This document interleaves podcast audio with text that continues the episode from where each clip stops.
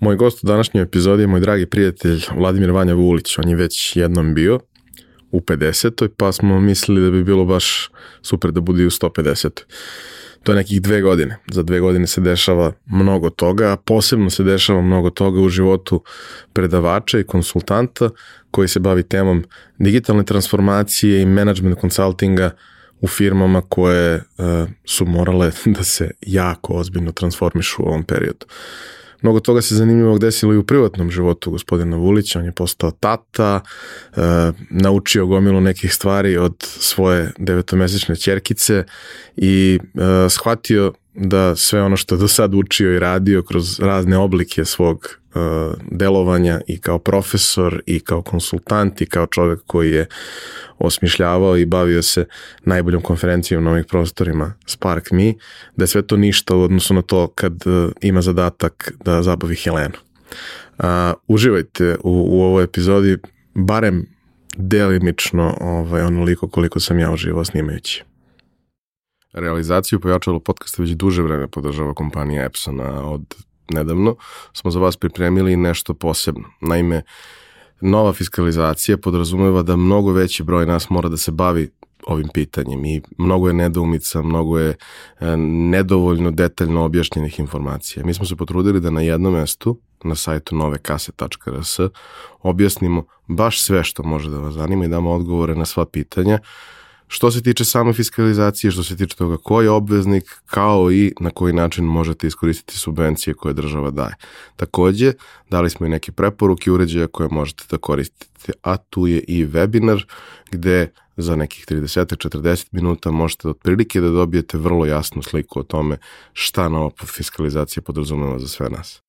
Takođe, treba reći i to da kompanija Epson, osim POS uređaja koji su ovde u centru pažnje, proizvodi štampače u svim mogućim oblicima, veličinama i namenama, kao i već 20 godina najbolje projektore na svetu, a više o tome možete videti na epson.rs.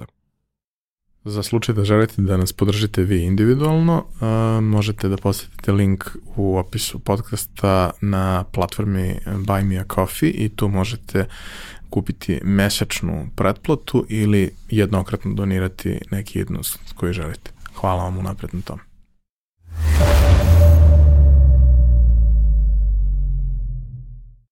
Vuliću, dobro mi došao.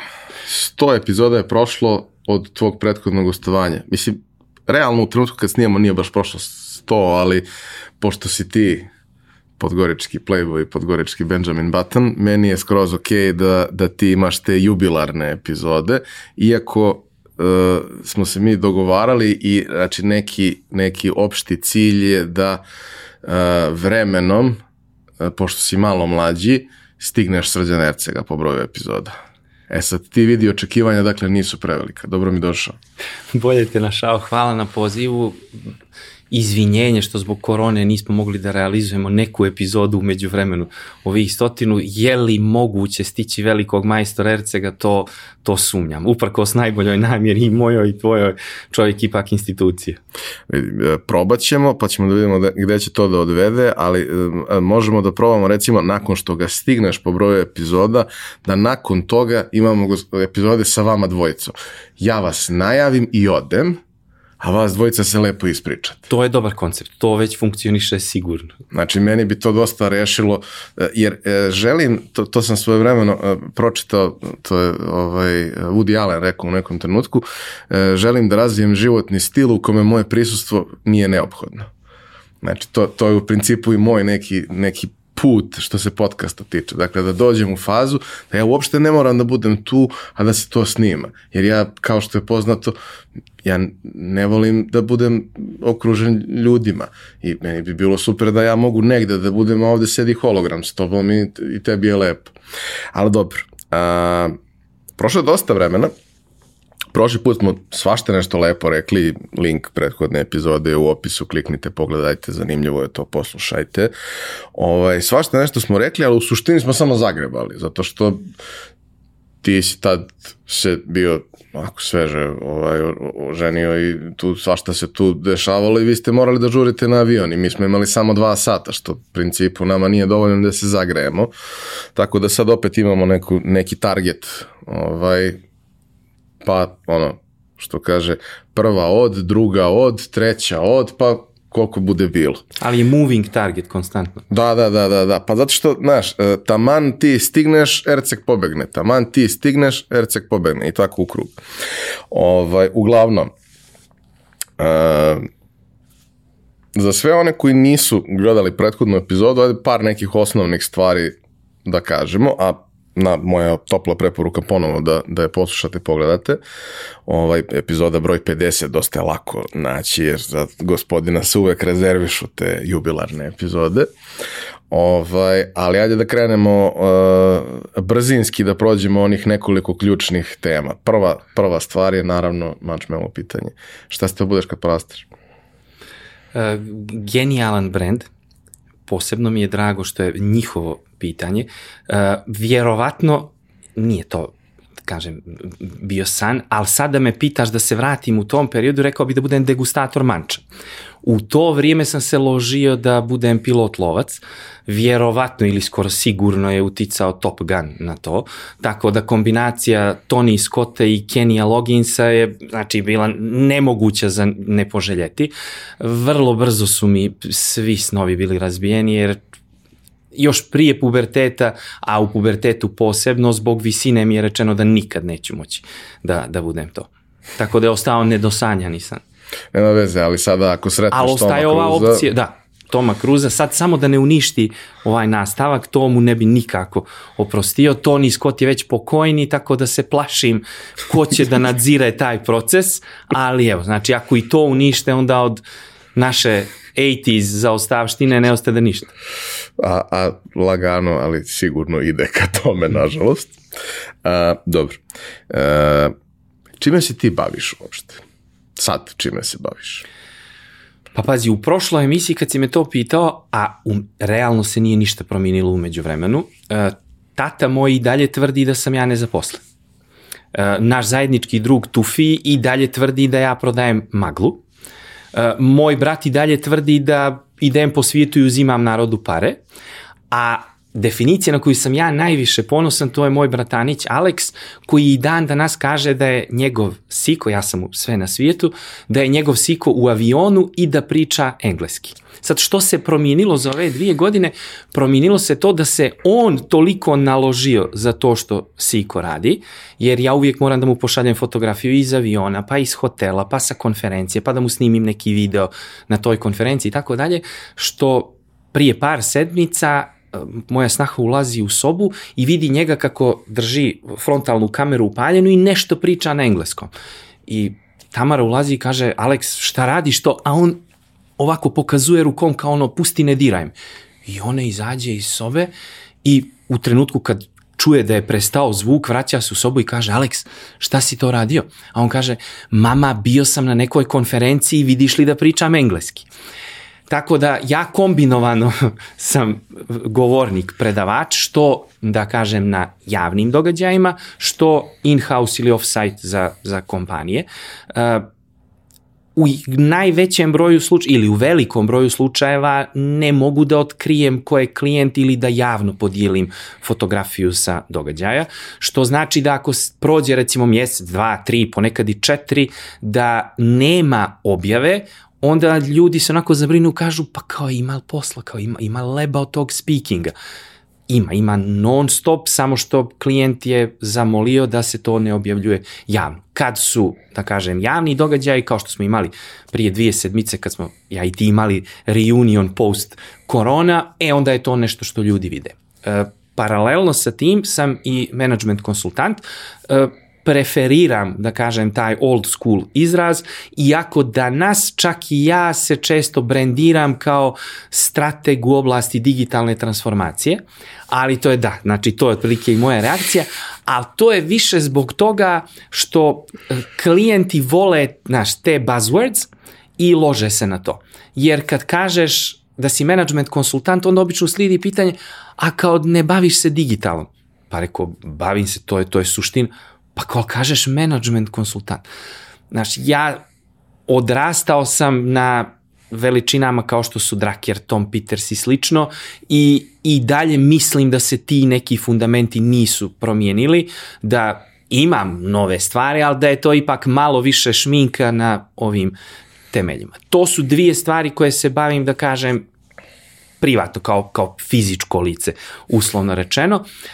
Uz to sam suosnivač Digitalizuj me, prekjuče smo proslavili 10 godina postojanja, ti si bio nekoliko puta predavač na, na, na našim događajima, kažem, posebno sam ponosan što smo uspjeli da napravimo Digitalizuj me, jer iz sadašnje perspektive znati da smo napravili nešto što se bavilo digitalom prije 10 godina i da dan da nas pomažemo i pojedincima i preduzećima i državi i međunarodnim organizacijama da na najbolji mogući način iskoriste digital je ogromna, ogromna stvar.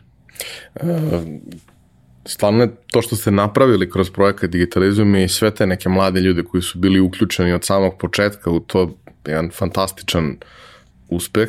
Jedan neverovatan pokret i naš neverovatna energija, to je ono kao ja nisam neki ljubitelj da sednem u avion u 7 ujutru, onaj pekarski letovima i da, da dođem na 40 do, stepeni u Podgoricu. Da dođem na 40 stepeni u Podgoricu dok se topi asfalt, da nešto kao predajem i onda se ili to veče ili sutra ujutru vratim.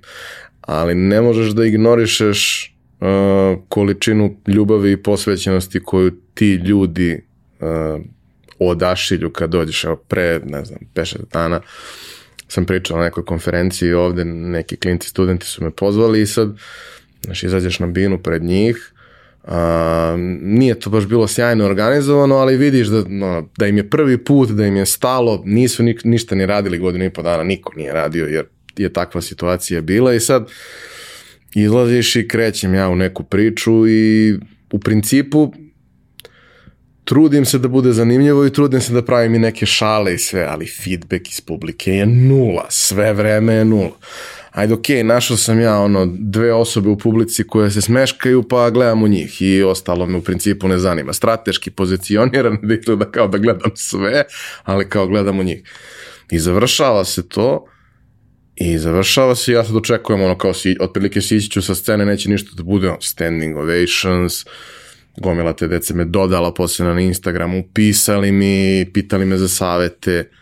Eko, super. A šta je bilo ovo do sada? A šta je bilo? Pa, pa kao nismo znali da... Kao, ja im kažem ono, na, na sceni, dok, kao ljudi, jel vi kapirate koliki je stres? Ja nemam tu vrstu stresa jer sam pričao 500 puta, pa principu mogu na autopilo da ispričam i da bude interesantno, ali kao nekome ko nema toliko iskustva, iseći ćete ga potpuno, znači daće vam 5% onoga što, što je zamislio zato što nema feedback. Jao, pa ne to, pa mi ne znamo. To je to pa, kao crnogorska beba kad ne progovori do 5 jer nije imalo zamjerke. Nije, nije imalo primjedbi, da. Ovaj, e sad, kad dođeš dole, ovaj, taj neki broj ljudi koji se skupi, koji uvek značajan za tako mali grad i zemlju, ovaj, uvek ti daje tu energiju. Znači mi prošli put kad sam bio, mi smo došli sa idejom, ok, sada ću ja pričat ću nešto sat vremena, ja sam pričao tri sata. I ostali smo posle toga da se družimo još x sati. Morali smo malo biramo gde ćemo se družimo, jer je tad u tom periodu bilo dosta često da neki objekti polete u vazduh, ali... Ali i to neki draž, kažeš ti događaja. Pa jeste, da, mislim, to su ono Južni added vetar. value, added value. Southern edition. E, kako, kako, kako su napravili neki klub, uh, pivnica neka u koja je bila čak možda i u planu da, da idemo tamo, neko, neki fini ljudi su se digli u vazduh e, ve, veče pre toga, pre nego što sam ja došao i onda je bio komentar na društvenim mrežama njihov, uh, raznili smo se malo večeras ili tako nešto, toliko je bilo dobro da smo se raznili. Social media, social media manager izdominirao bi tu, jest. Jest, yes, to je stvarno bilo onako prilično, prilično živopisno. To bi se reklo, dobro pamtiš sve. Mm, da baš ti hvala. Mislim, ko gleda, vidi da je na stolu šolja ovaj, jednog određenog kluba, čiji ja nisam simpatizer, ali gospodin jeste i samim tim mu, su mu dozvoljene stvari koje inače ne bi bile dozvoljene, a ko sluša mogu da mu kažem da je na stolu šolja partizana. Ali dobro, nema veze, nije to bitno. A, ok, znamo šta se te budeš kad porasteš, znamo čime se baviš, odnosno šta svi doživljavaju to kako se ti baviš i čime se ti baviš, kako doživljava tvoje okruženje da, da i šta je ono što... Vi sad znate što ljudi kažu da se bavim, a što stvarno radim, to vjerojatno niko ni ne zna. Pa dobro, ja mislim da znam ponešto. A, ali ono što isto moram da te pitam, i što je negde uvek intro za svaku priču, Uh, to je um, naše uh, poslovi.infostud.com pitanje, a to je šta je bio tvoj prvi posao, prvi, prvi posao koji si radio? Sad, to, to će biti malo interesantno, jer obično, znaš, Pošto inače sve što ti pričaš dosadno. Dosadno, da. da. U, u američkim ono, filmovima ili knjigama, kad te pitaju, onda ti kažeš, znaš, prvi posao je da sam uh, uh, krao cvijeće od komšija, a onda prodavao komšinici, znaš, pa sam prodavao baseball cards i tako dalje i tako dalje. Uh, u mojoj varijanti stvarno, moj prvi posao je bio kad smo moj drug Nikola Vučeljić, Peđa Miranović i ja napravili download zone u tom trenutku.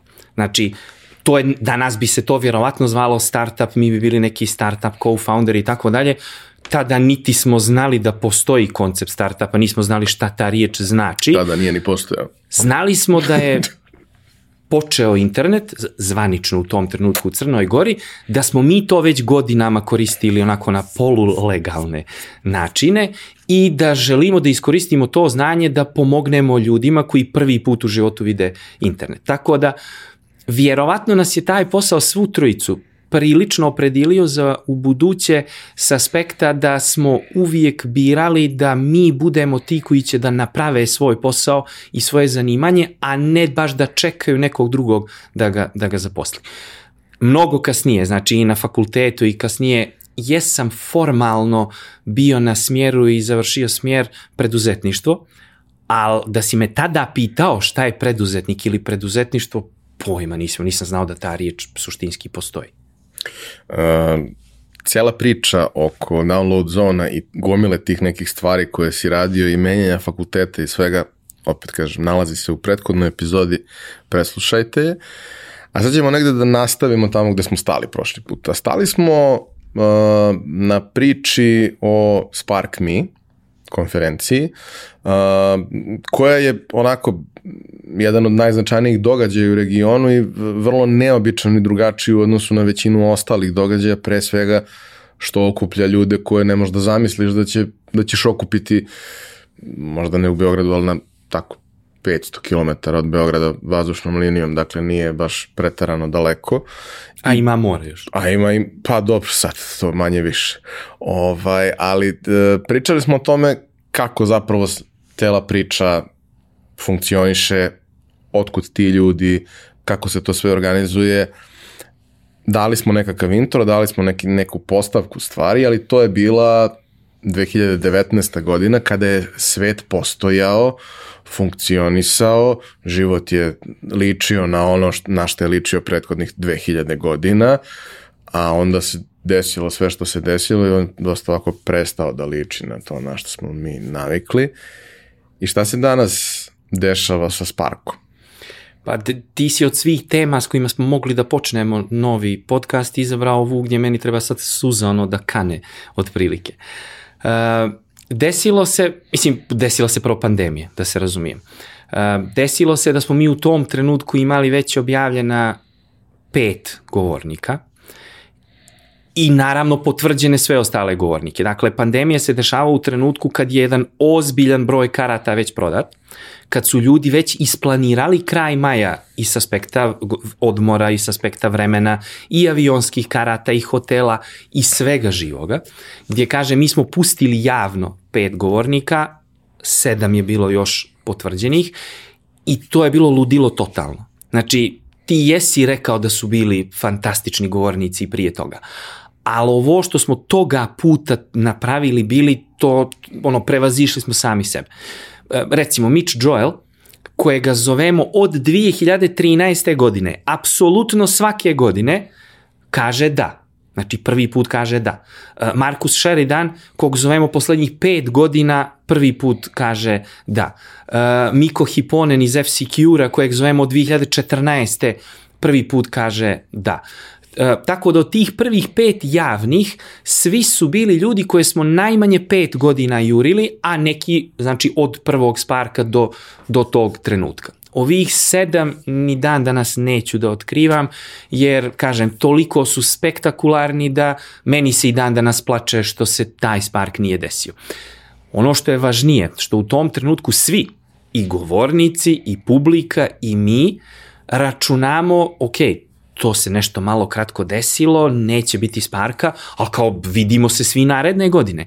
I svi ti govornici kažu kao nemoj da vam je palo na pamet da zovete nekog drugog za narednu godinu, kao mi smo tu i to je to. Znači pravimo reprizu sparka koji se nije održao. Jasno ti je da se ni taj naredni nije održao, a za sledeći ćemo da vidimo. E sad što je bilo da kažem u, u pozadini. Prva velika dilema je bila, znači prvi pakao je bio da se otkaže konferencija.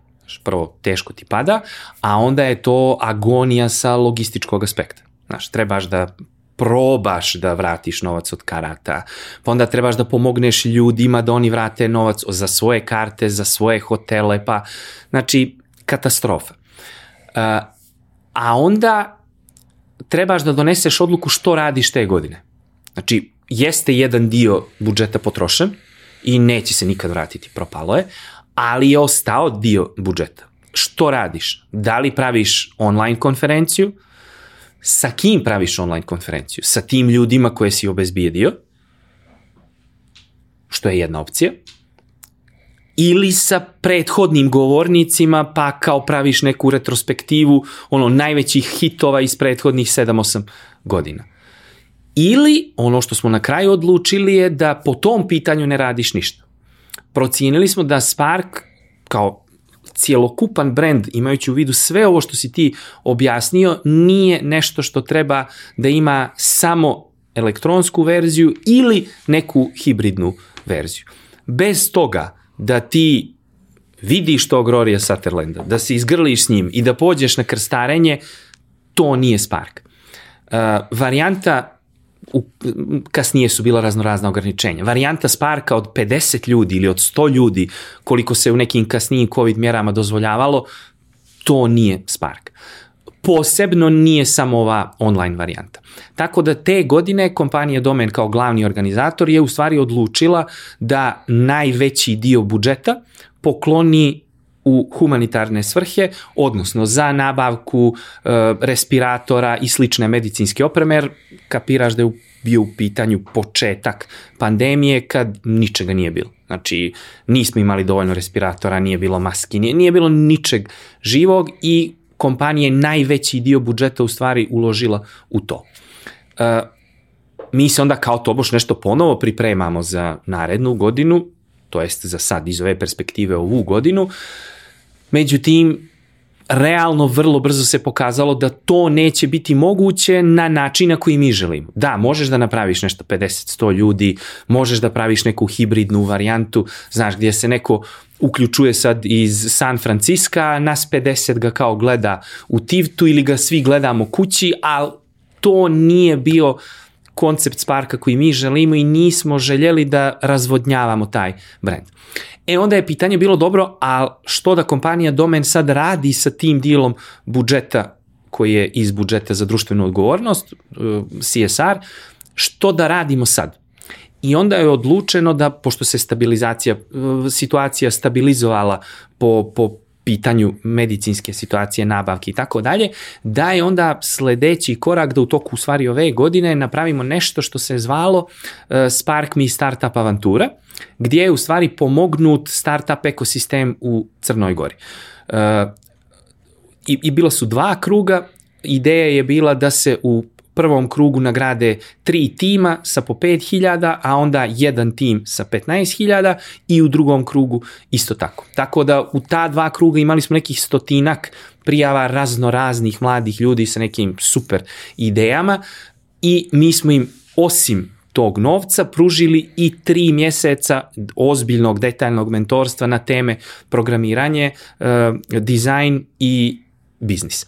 Tako da ove godine, da kažem, trud, novac, vrijeme, resursi ljudi su pošli u nastojanje da se pomogne što je moguće više startup zajednici. Sad za narednu godinu ne smijem ništa da ti obećam. Što se nas tiče, mi smo spremniji nego ikad. Uh, svi govornici i svi, što je mnogo važnije, njihovi agenti povremeno i redovno nas kontaktiraju sa pitanjima, e, kao je li ovo dogovoreno za narednu godinu, što znači da se i njima i tekako i govori i putuje i druži, ali imajući iskustvo od prošle i ove godine, nećemo se zalijetati sa nekim najavama dok ne, malo ne vidimo kakva će biti situacija, jer imali smo recimo period kad smo planirali neke manje događaje, kad Crnu Goru stavljaju na crvenu listu, što znači da ako nama govornik dođe, on kad se vrati mora 15 dana da bude u izolaciji u svojoj zemlji. Čak i ako bi neko bio lud da to napravi, mi nismo u, ne namjeravamo da ljude stavljamo u tako neprijatnu situaciju. S druge strane, trenutno smo recimo u situaciji kad su svi događaje javni u Crnoj Gori zabranjeni.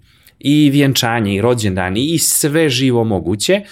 Tako da a sledeća faza će biti vjerojatno 50, pa 100 ili tako nešto. Dok ne budemo mogli da napravimo nešto što ti kažeš, što makar liči na one naše prethodne živote, ta prava pravcata Spark mi priča se neće dešavati, a ja se iskreno nadam da će to biti što prije.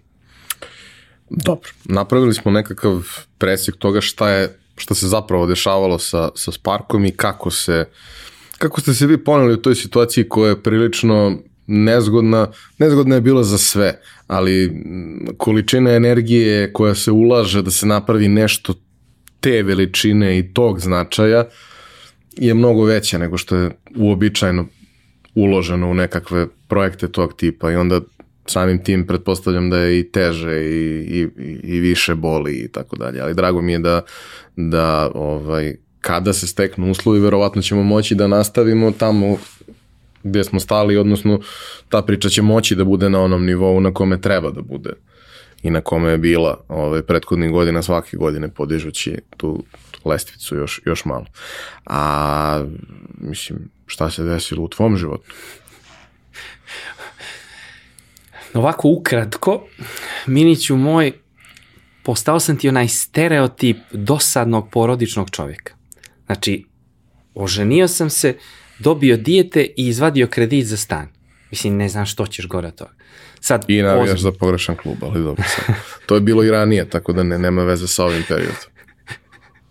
e, sad ozbiljno, e, Jovane i ja smo se umeđu vremenu, što bi rekli, krunisali našu ljubav i vjenčali se.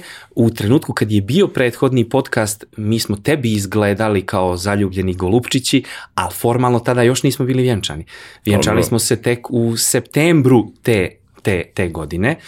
Uh, Umeđu vremenu je došlo jedno malo čudo koje si ti imao prilike da upoznaš Helena koja danas je na, na, napunila uh, 8 mjeseci i to je potpuno promijenilo život na najbolji mogući način. I što se još desilo? Mislim, desila se i podjednako bitna stvar, a to je da se najveći svih vremena vratio u voljeni klub, tako da Željko je sad ponovo tu, tako da to su tri onako najveće stvari od kad je korona počela, ja i ti se nismo zvaničnu u emisiji vidjeli. Možda možemo da nazdravimo u to ime. Pa, slobodno, slobodno nazdravi. Ovaj, a e, šta se dešava sa tvojim životom i tvojim poslom koji je bio prilično vezan za to da je Siko u avionu i priča yes, na? To, to, je, to je sjajno pitanje. Uh, situacija je zvanično počela još 2019. sa, sa, sa 2000, da, 19. Realno, da kažem, u našim okvirima, ja sam još uvijek krajem februara imao događaje u živo. Znači, nije ovaj region ta reagovao baš tako. Ja sam 1. marta otišao, otišao na put da. i ostao tri meseca neplanirano. 1. marta nije bilo nikakvih naznaka da bi to moglo da eskalira. Mislim, mi i dalje čekamo Netflixovu seriju o ta tvoja tri mjeseca, to da se razumije. to će baš biti strašno. E, već u martu, pošto znaš da dominantno radim sa globalnim brendovima, već u martu, znači, to nije stop. To je varijanta nema ništa. Znači, apsolutno ništa se ne dešava. Znači, nijedan događaj, nijedan projekat, ništa, ništa, ništa, ništa, sve je stavljeno na pauzu u tom trenutku i, i partneri i donatori i klijenti, svi su mislili, vjerovatno i svi mi, da je to nešto što će da traje par mjeseci, prođe i mi onda kao nastavljamo da živimo normalno. Tako da realno recimo mart i april je bilo nula. Ne samo nula eura, nego nula minuta provedenih u radu i sa klijentima i na konferencijama, internoj edukaciji i svemu živom. Jer niko nije smio i htio da radi ništa uživo, a još uvijek se nije odlučilo da je neophodno prelazak na online varijantu. E, već negdje krajem aprila, kad je postalo očigledno da to neće da traje baš par mjeseci, su prvo počele da se prebacuju edukacije online i to edukacije onim najkraćim mogućim formatima, znači obično keynote tipa 60 minuta i, i to je to. Nakon toga su krenule edukacije poludnevne, cijelodnevne, trodnevne radionice. A onda su se, da kažem, i donatori s jedne strane malo dozvali pameti, s druge strane dobili sa viših instanci odobrenja da ti budžeti moraju da se prenamijene. Jer ako imaš recimo projekat koji zavisi od toga da moraš da obiđeš svaku srednju školu u Crnoj Gori, i da imaš neki projekat sa, sa njima, da onda ti klinci predstavljaju svoje ideje, da ti izabereš najbolje i da ih onda povedeš na neki weekend bootcamp, jasno ti je da to sad ne može da se održi. Jasno ti je da je većina tog budžeta u stva, jedan dobar dio tog budžeta bili troškovi putovanja, smještaja i svega ostalog. Sad taj budžet se ne troši. Kako ti kao lokalni ogranak međunarodne organizacije sad javljaš nivou iznad tebe da su ostale pare u budžetu. To traje, traje, traje, međutim kažem, vremenom svi su bili dovoljno i posvećeni i imali želje da se nešto realno postigne, tako da su budžeti prenamijenjeni s aspekta da se onda to prebacuje online i da onda recimo umjesto što imamo novca za jednog govornika, sad imamo za pet. Ili što imamo novca za 10 radionica, sad imamo za 25. Tako da na kraju ako izuzmemo ovaj ozbiljan nedostatak fizičkog svijeta i fizičkog kontakta, vrijednost koju su polaznici raznoraznih digitalizujme programa dobili je bila neuporedivo veća. Iz ove perspektive sad, kad je prošlo evo, godinu i 9-10 mjeseci, uh, realno, kad se sve sabere, realno ja kao strateg u oblasti digitalne transformacije nisam nikad imao bolje dvije godine. Znači imali smo nulta dva, tri mjeseca, a ovo stalo je u najmanju ruku spektakularno uz značajne promjene vrste posla. Tako da ti si me jednom prilikom kad, sam, kad si me pitao kako ide, pa kad sam ti ja rekao, ti si mi na Viberu napisao, pa znači ti si postao sad korona profiter, tako da moglo bi se i tako reći. Uh, jedna od stvari koja se tu desila u tih prvih dva meseca koji jesu bili u suštini uh, to što si rekao, jedna potpuna blokada svega, jer niko ne zna šta u ovoj situaciji radi. Nije to prvi put u istoriji čovečanstva da se tako nešto dešava, ali je prvi put u ovoj generaciji. Ona generacija koja se seća prethodnog puta, prvo bilo malo drugačije pre 100 godina, a drugo ima sad 100 i kusur i verovatno se baš i ne seća najbolje kako je to išlo. Ovaj, dolazimo do toga da se dešava nešto što se dešava prvi put u jednoj generaciji. Ok, bilo je raznih prethodnih e, sličnih incidenata koji nisu prerasli na nivo ovoga što je bilo sad. Imali smo ptiči grip, imali smo svinski grip, sve to, sve to bilo po medijima frka, ali nije došlo do nas. Nije došlo do toga da sad to zaista postane realan problem i počinju da umiru ljudi, razboljevaju se ljudi koje ti znaš koji su u tvom okruženju. A, takođe ono što se, što se dešavalo a, tada, naravno, bilo je priče o merama, bilo je vođenje računa o svemu, ali nije stao posao, nije, nisu bile, nije bio lockdown, nisu bili te vrste mera koje potpuno zahtevaju da se biznisi prilagodi. E sad, tvoja uloga je da savetuješ i uh, edukuješ biznise kako da naprave promenu koja im je neophodna da bi bili konkurentni ako su sad da bi bili za 10 godina, jer sad su konkurentni možda po inerciji i, i imaju rezultate po inerciji. Ali za 10 godina ako treba da ostanu tu gde jesu, verovatno će nešto morati da, da, da promeni na nečemu morati da rade, a nemaju baš svi svest o tome gde su realno sada i šta je to nešto na čemu bi trebalo da rade. Međutim, o, ovo što se dešavalo nakon tog prvog perioda od par nedelja koje smo se svi odmarali, razmišljali, lamentirali nad sobstvenim životom, gledali šta ćemo i kako ćemo, došli smo svi negde u fazu, ok, mi sad nešto moramo da uradimo. Ta opcija da mi sačekamo da se smiri, prestaje da bude opcija. Mislim, ta opcija više apsolutno ne postoji. Ja uvek kažem, moj, moj mozak je frejmovan da radi na način koliko god da je teško, nije nikakav problem, samo mi reci dokle. Je najgore na svetu, kaži mi, 18 meseci, ja ću da izdržim 18 meseci, 18 meseci prvog dana će sve da bude okej. Okay. Sada imamo nešto što ne znamo koliko će da traje, ne znamo kako će da se menja, čak i da se smiri, imamo tu situaciju, pričao sam par puta o tome, ne znam da sam u podcastu, mislim da možda i nisam, ali mislim da je sa tobom to jako, jako dobra tema za pokrenuti. Imamo situaciju koja čak i kada se smiri, mi znamo da ovo može da se desi.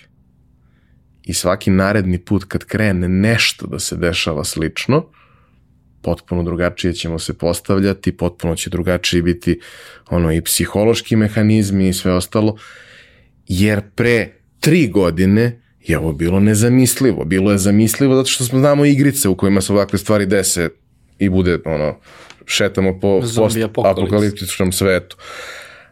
Ali sad živimo to. Mislim, nije to baš tako, ali živimo tako I nešto. I za sad nema još zombija. Nema za sad, ali ima to nešto što nas tera sve vreme da ovo što je nama neprirodno i nenormalno prihvatimo kao nešto što se zove nova normala, što meni kao nekome ko ne prihvata skoro nikad, skoro ništa, zvuči užasno. A ja verujem da su naši ljudi dosta slični meni i ne vole da se menjaju i tako dalje. I sad ja sam napravio ogroman neki uvod, komplikovan, do zla Boga. Ali poenta toga svega što pričam je uh, tvoja pozicija je takva da si ti ek, najčešće eksterni saradnik, nekada i da kažemo poluinterni, čiji je zadatak da usadi ideju o promeni i da mehanizam kako ona može da se sprovede u okruženju i mentalitetu koji se opire svakoj vrsti promene. Dolazi korona i svi smo primorani da se menjamo kako izgleda biti Vanja Vulić u tom trenutku i šta, kažeš, posao je posle dva meseca pauze krenuo super, ali kakav je taj kakav posao je to bio? Posao? Da, e, to je, to je ključno pitanje. E, uvod jeste bio duži, ali nije bio što ti kažeš do zla Boga loš, nego bio sjajan, jer u suštini si otvorio sve moguće teme kojima se ja bavim i koje, o kojima moram da razmišljam, diskutujem sa, sa klijentima. Uh,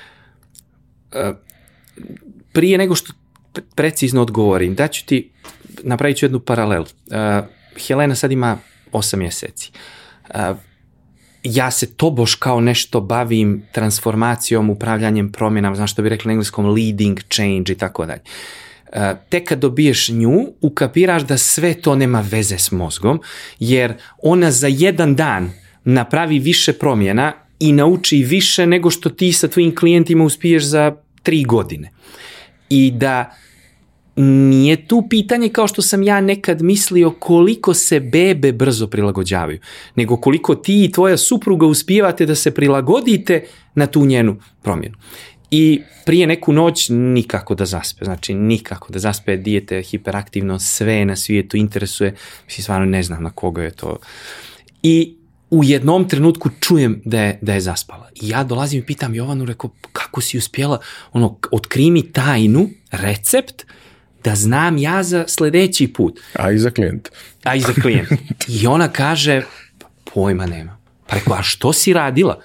Pa kaže, probala sam nešto od sinoć, nešto od preksinoć, nešto od prek preksinoć, nešto od prošle sedmice i u jednom trenutku je zaspala. E, to je kako, iz, mislim, to je generalno kako izgleda posao konsultanta, a kako izgleda posao konsultanta u ovim periodima nadrealnih promjena, e to je to. Ti vrlo često moraš da isprobavaš i da radiš stvari za koje iskreno nemaš pojma kakav će efekt da imaju, ali prvo, moraš da vjeruješ, ali ne onako slijepo, nego da imaš nešto u sebi, da vjeruješ da to može da dovede do rezultata, da onda ubijediš klijenta da to može da dovede do rezultata, a onda da se to spusti na najniži mogući nivo da stvarno svi vjeruju da može da ima rezultat.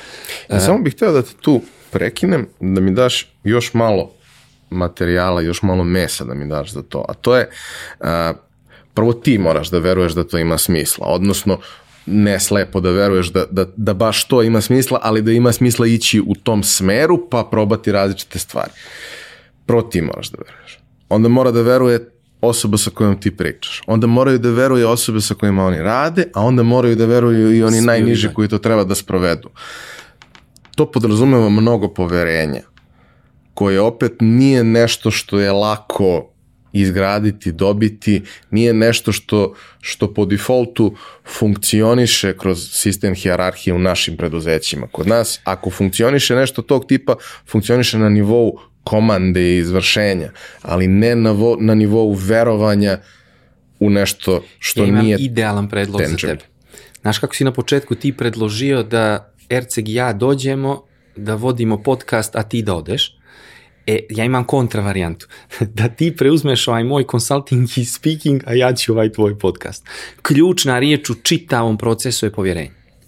Uh, ne samo u teorijskom smislu, nego u vrlo praktičnom smislu za ove dvije godine. Pokazalo se da klijenti koji su e, ne na nivou mene i klijenta, to uvijek funkcioniše ok, jer ja sam prilično težak po pitanju izbora klijenata i biram, znači govorim ne do beskonačnosti i biram samo one sa kojima sam 100% siguran da mogu da funkcionišem na ovom ljudskom osnovu, a poslovni će da se nadgradi.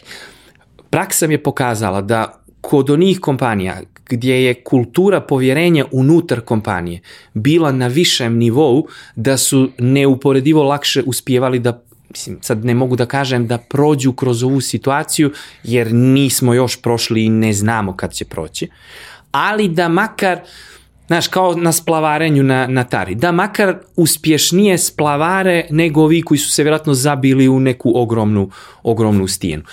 A To je vrlo često posledica onoga drugog što si ti rekao, a to je da najčešće postoji neka malo inovativnija organizaciona struktura unutra koja nije baš klasična piramida koja se zasniva na komandovanju i kontroli, odnosno naređenje, izvršenje.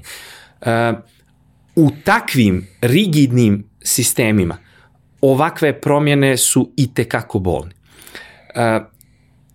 Su- suština organizacije, suština menadžmenta, kratkoročno gledano, je da napraviš što je moguće efikasniji sistem u kojem ima što je moguće manje waste u svakom pogledu. Znači da se svaki resurs što je moguće manje troši u ludo. To funkcioniše kad okruženje funkcioniše bez greške. Znaš, Toyota Production nemoguće. System, Just in Time i tako dalje, to je bio ideal menadžmenta sad kad tebi u Luci, u Long Beachu, u, u, u Los Angelesu čekaju na stotine brodova da se iskrcava, kad najveći brendovi tipa Ikea imaju ogromnih problema sa lancom snabdijevanja, kad Ford ne može da napravi dovoljno Ford tip F jer nema čipova, jer Kao i svi ostali. kao i svi ostali, e onda kapiramo da mi prelazimo ili ćemo morati da pređemo ili je već trebalo davno da pređemo iz ovoga just in time u just in case. Pa onda kapiraš, znaš, da činjenica da vojska ima raznorazne rezerve nije baš suludo. Da je tamo neko razmišljao o tome. Pa ono što smo nekad davno, ako sjećaš, imali savezne ili republičke robne rezerve, da ni to nije bez nečega.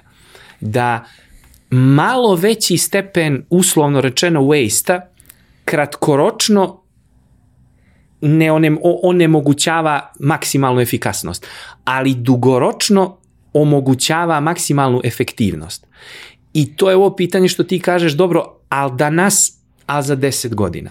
Znaš, e, kad su pitali jednom u Nabisko proizvođača, tadašnjeg proizvođača Orija, kao, pa kako ste tako genijalni? On kaže, nismo mi genijalni. Genijalan je bio onaj lik tada koji je napravio Oreo keks, a kao mi sad samo živimo od te zaostavštine. Veliki broj kompanija je uspješan zahvaljujući nečemu što je neko napravio prije 5, 10, 50 ili 100 godina, a ovaj trenutak je, mislim, s jedne strane poguban. Sve ovo što pričam, dominantno pričam o biznisu. Sa ličnog i društvenog aspekta ovo je horor. Ali s druge strane je vjerovatno bogom dan za jedan dobar dio biznisa, jer je morao da ih prodrma i da ih cimne i da im kaže, e ljudi, znači ovo ovako će da se ugasi. Ili ćemo da usvojimo neke nove načine rada koji podrazumijevaju i restrukturiranje i usvajanje određenih inovativnih management koncepata za koje smo mislili da su nemogući, da nisu za našu industriju, da nisu za našu državu, da naš narod neće da ih prihvati. I hiljadu različitih izgovora, ako u krajnjem želimo da primamo platu ne u tako dalekoj budućnosti za 50 godina, nego idućeg mjeseca ili do nove godine. Uh Imamo taj pojam menadžmenta, upravljanja, rukovodđenja ljudima, a, ali ovo o čemu sad pričamo mnogo više zalazi u jedan, jedan drugi pojam, a, a taj pojam je ono što ja isto često volim da citiram a, Eisenhowera i Saša Đorđevića. Igračima nije važno koliko znaš dok im ne pokažeš koliko, koliko ti je stalo. Ista priča je kao šta je šta je poenta leadershipa? Pa poenta leadershipa je da je njima stalo zbog toga što je tebi stalo, odnosno da ti živiš život Srđana Ercega. A, ne znam jesam li pominjao u prethodnom podcastu, a, relativno mlad sam počeo da, da predajem na, na fakultetu. I razlika između mene i studenta u, u cvijetu mladosti. Razlika između mene studenta u generacijskom smislu je bila skoro nepostojeća. I onda je bilo meni vrlo jednostavno da se poist, njima da se poistovjete sa mnom na nivou pop kulture, filma, muzike i tako dalje. I, znaš, kad ja citiram Top Gun, oni znaju što je to. Kad citiram mučke, oni znaju što je to. I onda sam im relevantan sagovornik i kad pričamo o strategijskom menadžmentu. Kako je vrijeme prolazilo i decenije prolazile, tako klinci više nemaju pojma što je Top Gun i popularni su neki drugi filmovi serije i ja gubim na relevantnosti. To sam prevazilazio tako što pitam njih što je to što trenutno vi gledate i nekada davno, znaš, oni kažu Gossip Girl. Dobro, znači ja ću da provedem ovaj vikend da izbinđujem Gossip Girl, glava ovolika, svi tinejdžerski problemi ovog svijeta su tu, ali si ponovo relevantan. I svakih par godina je nešto novo. I naravno to vrijeme se, da kažem, smanjuje. Ali je njima jasno stavljalo do znanja da se ja interesujem za njihov svijet. E, Onda Sale Nacionale Đorđević gostuje nedavno kod uh, Srđe Radojevića mm. i Džileta, naših zajedničkih prijatelja, u podcastu. I Srđa ga pita kako izgleda raditi sa mladim igračima. I Sale bukvalno kaže, znači, kao da je mene slušao, kaže, podijelimo svijet na dvije grupe. Ove mlađe od 35 i kaže nas starijih od 35. Mi bi željeli da vjerujemo da oni žive u našem svijetu i da je naša uloga da im mi damo rešenja iz našeg svijeta koji oni trebaju da koriste. A kaže, to je najveća nebuloza svih vremena.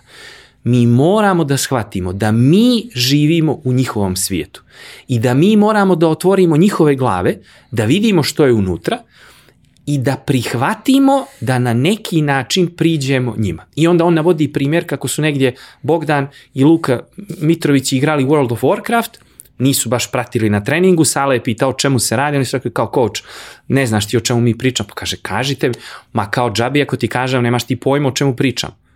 I on kaže, ajde recite mi, a ja ću za vikend onda da vidim i da naučim što je to. I naravno da Sale ne bi bio takav kakav je da ne kaže, a onda da vas razbijem u ponedeljak. Naravno da ih nije razbio, ali nije to bila poenta. Poenta je bila da im pokaže ovo što si ti rekao, da mu je stalo da vidi koji su njihovi i problemi, i, i dileme, i interesovanja, i strahovi, i sve ostalo.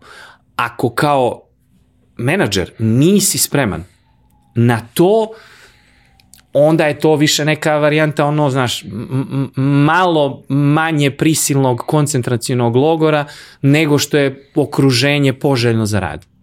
A, ima taj jedan moment sa, sa Saletom, ovaj, kao što znaš, meni je taj njegov Mislim, rad u reprezentaciji. Ti bi citirao nekog iz vašeg kluba kad biste imali takvu veličinu, ali drago mi je, nastavi slobodno, ja sam prezadovoljno. Hvala, hvala. Ovaj, Sale je, celo, ceo njegov selektorski mandat je nešto s čime sam ja prilično lično upoznati. Imao sam prilike i da pričam sa njim i to sve i uh, utisak koji sam ja sve vreme imao, a koji su mi u principu i neki ljudi iz struke potvrdili, je da on uopšte nije, bog zna kako, dobar trener. I da on ima sjajne saradnike i da je to ono što, da kažemo, sa stručnog aspekta podiže mnogo tu celu priču i da je to potpuno okej okay i da na taj način funkcioniše u mnogo vrlo uspešnih organizacija, da na takav način funkcioniše zapravo podela, da gde ti je osoba koja je na čelu trenerskog tima e, pre svega vrhunski psiholog i motivator, a da taj deo koji se tiče struke rade ljudi koji su za struku i to je to.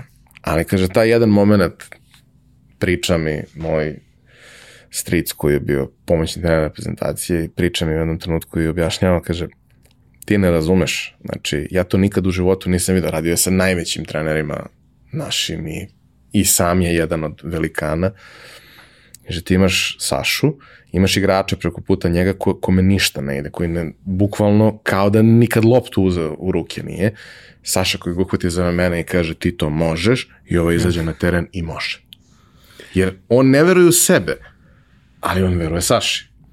Uh, kako sam stariji, iako sam i dalje u cvijetu mladosti, kapiram koliko je za menadžera ili lidera u stvari važniji taj drugi dio, znači ne ova, da kažem, tehnička znanja, stručna znanja, nego taj ljudski dio. E, kad sam bio mali, misli, pratio tada Chicago, e, mislio sam da je Phil Jackson najbolji trener u istoriji univerzuma koji zna najviše o košarci.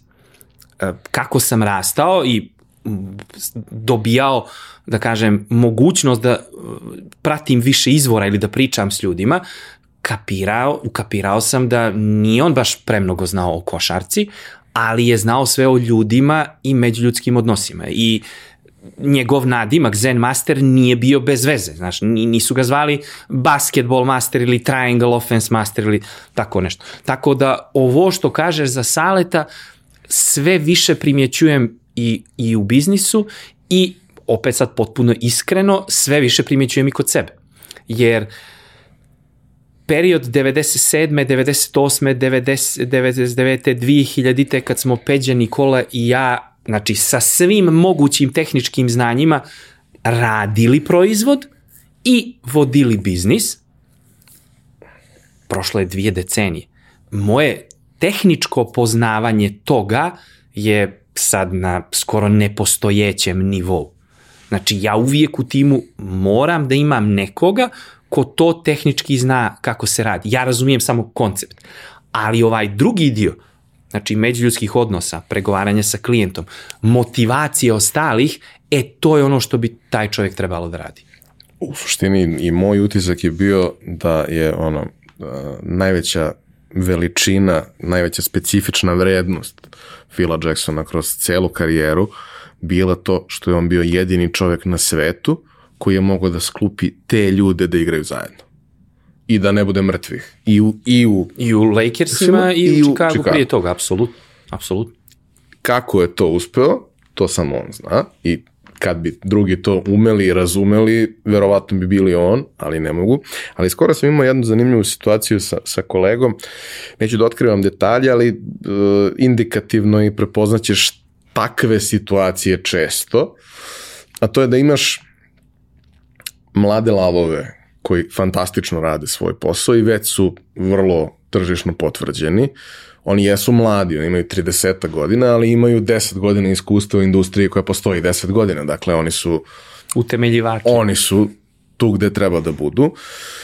I uh, zato što je klijent nesiguran, na projekat dolazi old school igrač koji ima 30 godina impresivne karijere, koja jeste impresivna, ali su to sve stvari koje su iz prošlog veka u suštini, one jesu i dalje dobre, ali su iz prošlog veka. I a, pozicija u kojoj on tu dolazi a, čini radnu atmosferu krajnje neprijatnom zato što on na silu postavlja svoj autoritet u taj sistem. Sad, ok, zbog važnosti projekta i svega, svi to toleriš.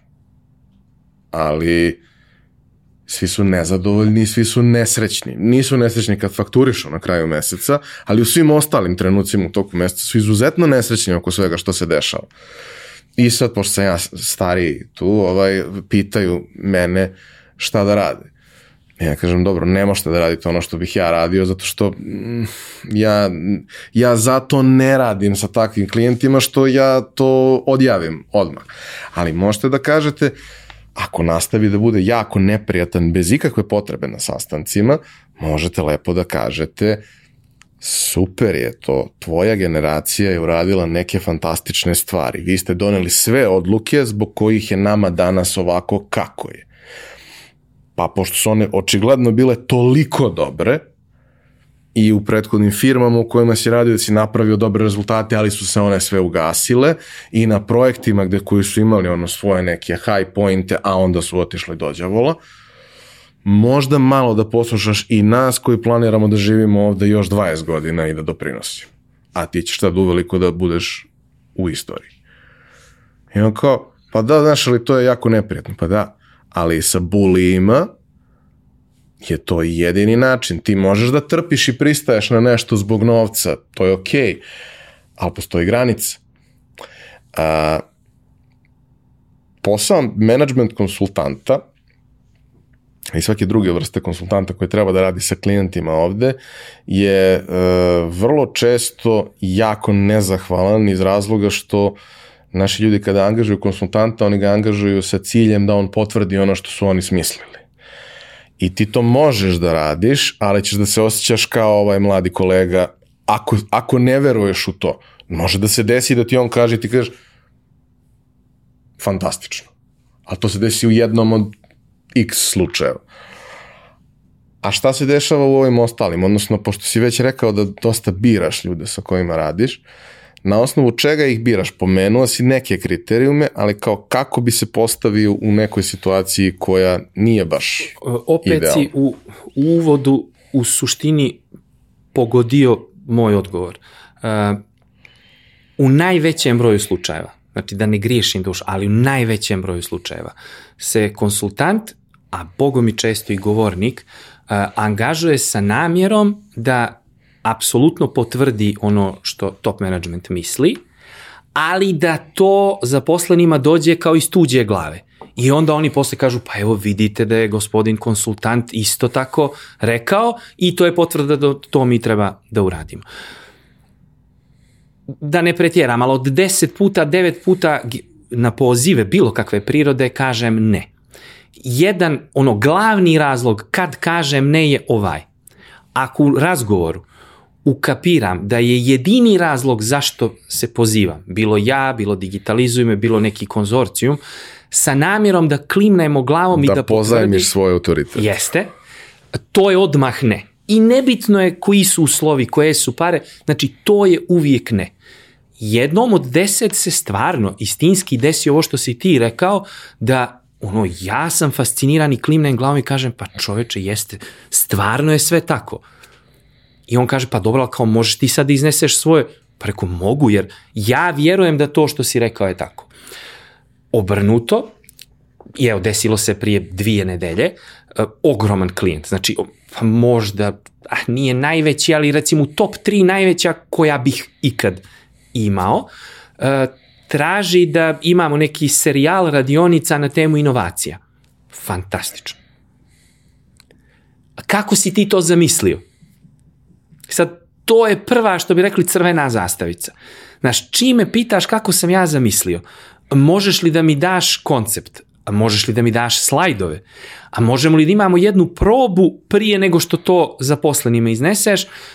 To je siguran indikator Da bi oni nepovjere... nešto da menjaju. Jeste. Jeste. E, u ovo, ja ka, ajde, znaš, ja se ugrizem za jezik i kažem, ajde, mogu da dam koncept, znači, u najgrubljim crtama. Gdje, između ostalog, u dijelu koji se odnosi na jer radimo generalno sve moguće inovacije, i proizvoda, i usluge, i marketinga, i organizacione strukture, i management praksi, ali i poslovnog modela. E, kad dođemo do inovacija poslovnog modela, gdje ja objasnim, pri tome njima samo ugrubo, uh, ne zašto ja mislim da to mora da se mijenja, nego kakvi su trenutno trendovi i koje su opcije za promjenu poslovnog modela da bi bio bolje pozicioniran u skladu sa trendovima. A kaže, ne, ne, ne, ne, to, to ne može. Rekao, što ne može? Kaže, taj dio to ne pominji uopšte. Ali rekao, mora, pa cijelokupna priča o inovacijama će da kulminira sa pričom o poslovnom modelu. Taj dio ne pominjemo. Ali kako reko onda pričamo da bud, ajmo da budemo inovativni, ali da se zaustavimo tu. E kaže, pa upravo tako. A pa reko, onda nemamo što dalje da sarađujemo.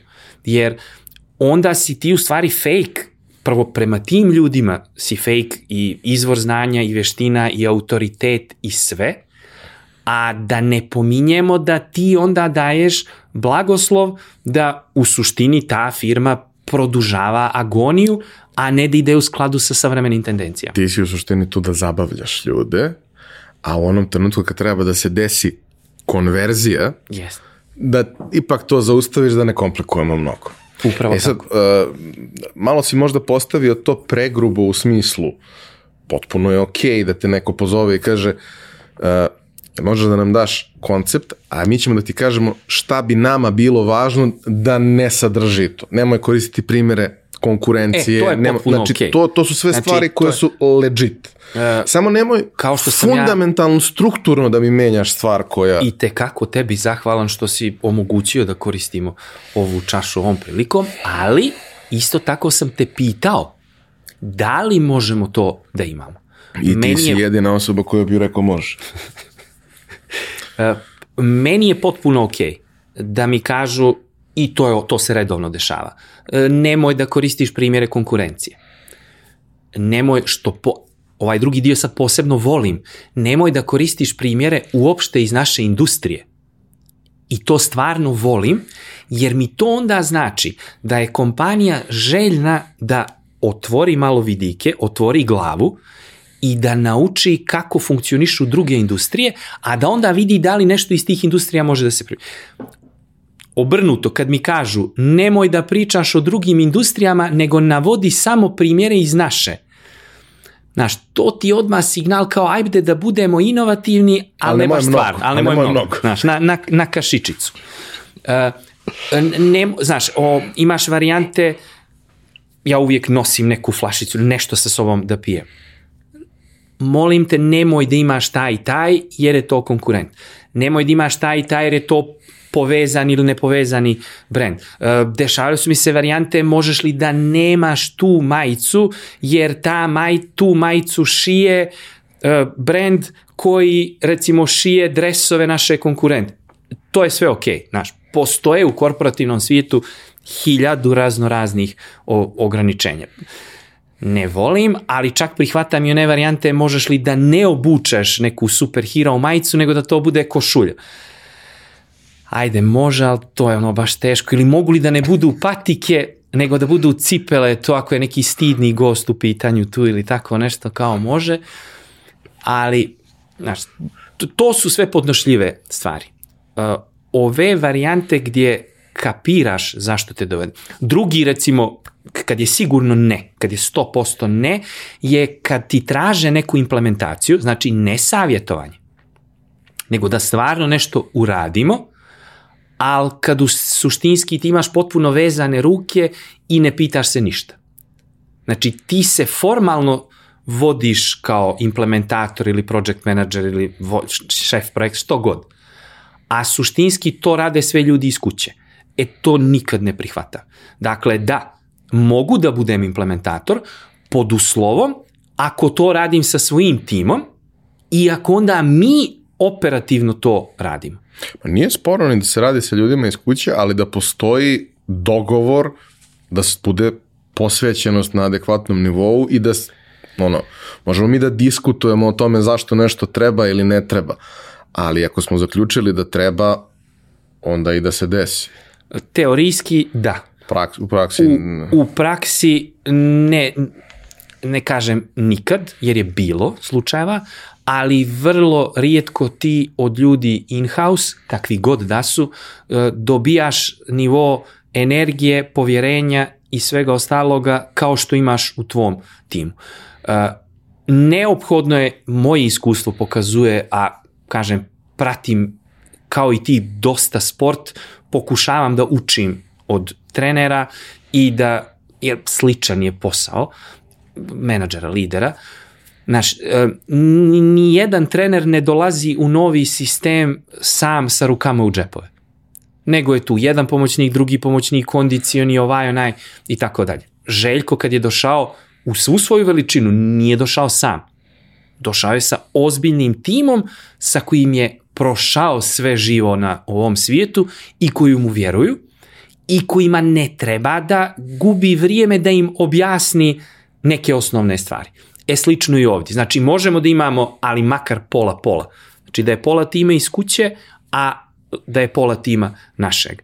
Jer sam nema šanse da, mislim, kažem, moje iskustvo, opet naglašavam, uh, moj prag ili stepen tolerancije nije baš previsok. Uh, moja želja da imam jedan spokoj i mir u životu je ogromna, I kad kombinuješ te dvije stvari, uvijek sam spremniji da kažem ne, ne, neću to da radim, ono, hvala, sve je super, pare su odlične, reference super, sve je to idealno, ali ne, ne želim da ga radim, jer neću da noćas ne spavam, osim zbog Helene, i neću da me boli glava, znaš, bolje je da to preskočim. I posle što, što otac kaže da si ne zaposlen. A, šta sam ja primetio? i kroz svoj neki konsultantski rad, ali i kroz posmatranje tih sistema s polja, a nekad i malo iznutra. Veliki sistemi su vrlo redko ti koji su u stanju da samostalno uz nečiju pomoć, ali samostalno sprovedu promenu. Ali ono gde mislim da postoji taj neki sweet spot gde čuda mogu da se dese su srednji i manji sistemi koji su agilni, gde svaka osoba ima svoje mesto i obično ok, postoje firme u kojima su tu osobe na nivou samo poverenja i to kako srpska domaćinska firma funkcioniše, ali postoje i firme i nije ih malo koje ako su uspešne, uspešne su zbog toga što su pravi ljudi na pravim no. pozicijama, zbog sposobnosti, zbog načina na koji se ponašaju i meni je uvek jako dobar indikator, to mi je uvek ono, ja kažem, za, za kafanu mi je dobar pokazatelj, a ne za, za biznis. Ako ja dođem pet godina kasnije i zateknem 50% istih konobara. Nisu oni to ostali slučajno nije pozicija takva da sad oni ne mogu da biraju gde će, pa eto, oni su sad tu. Ne, ne, ne, oni žele da rade tu. Možda na drugom mestu mogu da imaju i bolje uslove, finansijske, ali to je samo jedan deo, deo kolača. Tako i u firmama, kada dođeš i kada ti, kada vidiš da su neki sjajni ljudi tu i da su oni tu 10 godina, 5 godina, 15 godina, 17 godina, a da opet imaš na nekim pozicijama i neke nove mlade ljude koji su sjajni, to deluje kao mesto gde može, koja već pravi magiju, da se razumemo, ali gde ti možeš da se pojaviš ili ja ili neko i da, što kažu u čačanskom kraju, da pojačamo. ovaj, uh, tvoj posao je takav da dosta radiš sa velikima, zato što veliki imaju potrebe za tim delom public speakinga i svega toga. A, kako je priča sa konsultantskim delom posla? Koliko su to, koliko je to individualno, koliko je to rad sa velikim klijentima, koliko je to rad sa nekim srednjim, manjim, koji su to profili i šta, šta tu negde zanimljivo imaš da izvučeš kao zaključak? Dugo, potpuno iskreno, znači dugo, dugo, dugo vremena nisam uopšte radio sa malim i srednjim kao individualni konsultant ili član tima, ne računam donatorske projekte koje digitalizuju me implementirao. I jednostavno usluge koje sam ja nudio, neka skup znanja i vještina koja imam i da budemo realni, tarife koje ja naplaćujem, nisu najčešće u dometu malih i srednjih. E onda, prije recimo pet godina, zbog potreba jedne međunarodne organizacije koja je s jedne strane prepoznala što ja mogu da ponudim, a s druge strane znala što njima fali, uspostavili smo jedan stvarno odličan odnos. I to je ovo, znaš, vjerovatno u 90% slučajeva da je bilo pitanje s druge strane, ja bih odmah rekao ne, ne radim to, doviđenje, prijatno, uz najbolju moguću namjeru. Ljudi su bili toliko korektni, toliko su mi pokazali da znaju što ja radim, a onda oni meni objasnili kako se to uklapa u njihov projekat. Jer moja inicijalna rečenica bi bila ljudi, ono, ja ne radim to, mogu da vam dam kontakte ljudi, mojih prijatelja fantastičnih koji to rade.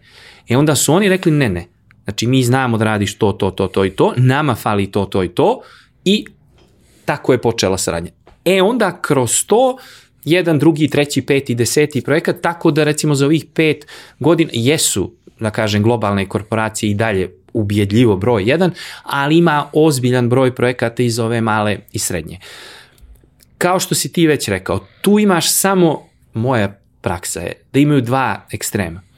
Jedan je onaj koji je karakterističan za malo širi Mediteran. Znaš, Portugalija, Španija, Italija, Grčka, Crna Gora, Hrvatska i Srbija. A to je ona varijanta ti si tu zato što si ili član familije ili šire familije, znači prijatelj. I nema veze što pojma nemaš, znači nema veze što... A ti, ja kao vjerujem kao ti vjerujem zbog toga što ja tebi kažem da vjerujem. Ali i dalje sve odluke ja suštinski donosim. Da ti ja stvarno vjerujem kao članu familije. Onda bi u tom sistemu ja ipak delegirao dio odgovornosti. Na kraju se u suštini ipak sve ja pitam. Ja nikad neću zaboraviti kad je moj brat bio uh, autom po, po, po Grčkoj i planirao je bio da te noći spava u jednom drugom gradu. Međutim, u toku dana se previše umorio, nije više mogao da izdrži da vozi i morao je da stane negdje usput da ipak prespava. I sad neko malecko mjesto u Grčkoj vide neki ono pansion smještaj, ulaze tamo i lik od 60 godina i sad priča sa njim. Znaš, pa imate li slobodno, nemate li slobodno, znaš, to ti je naj uh, reallifebooking.com, znaš, gdje te on gleda sad, da proceni. mjerka da procijeni koliko ćeš ti da platiš, koliko da ti kaže cijenu i tako dalje. I sad ispita on moga Nikolu sve živo, to traje 15 minuta i na kraju kaže da imamo. I Nikola kaže dobro koliko to košta i daj da platim više da idem da spavam. Čovjek, a kaže, a ne, pritom je čovjek 60 godina, a kaže, ne, ne, kaže, to ne možete sa mnom. I on kaže, pa nego sa kim? A on se ovako ih kređe i kaže, pa sa mojim tatom a tamo iza tata od 120 godina i Nikola prilazi i kaže da platim, on kaže sad koliko je to i onda skida oko vrata ključ, otvara sef, uzima pare od Nikole i stavlja tamo. Dakle, činjenica da sin ima 60 godina i da je član, najuži član porodice, to nema nikakve veze. Dok je tata tu, radit će se onako kako je tata rekao. Jer ko je napravio ovu firmu, ja ili ti? Pa kaže ti tata, pa onda čuti i slušaj. Druga krajnost je ova koju si ti pomenuo, da su ljudi na vrhu, bez obzira ili porodična ili nije porodična firma, ukapirali da jedino što tu firmu može da održi u nekom srednjem ili dužem periodu je stvarno znanje i vještine i da na ključnim mjestima postavljaju ključne ljude bez obzira znaju li ih, ne znaju rođaci, prijatelji i tako dalje. E, vrlo je bitno kao konsultant da procijeniš o koja dva slučaja se radi.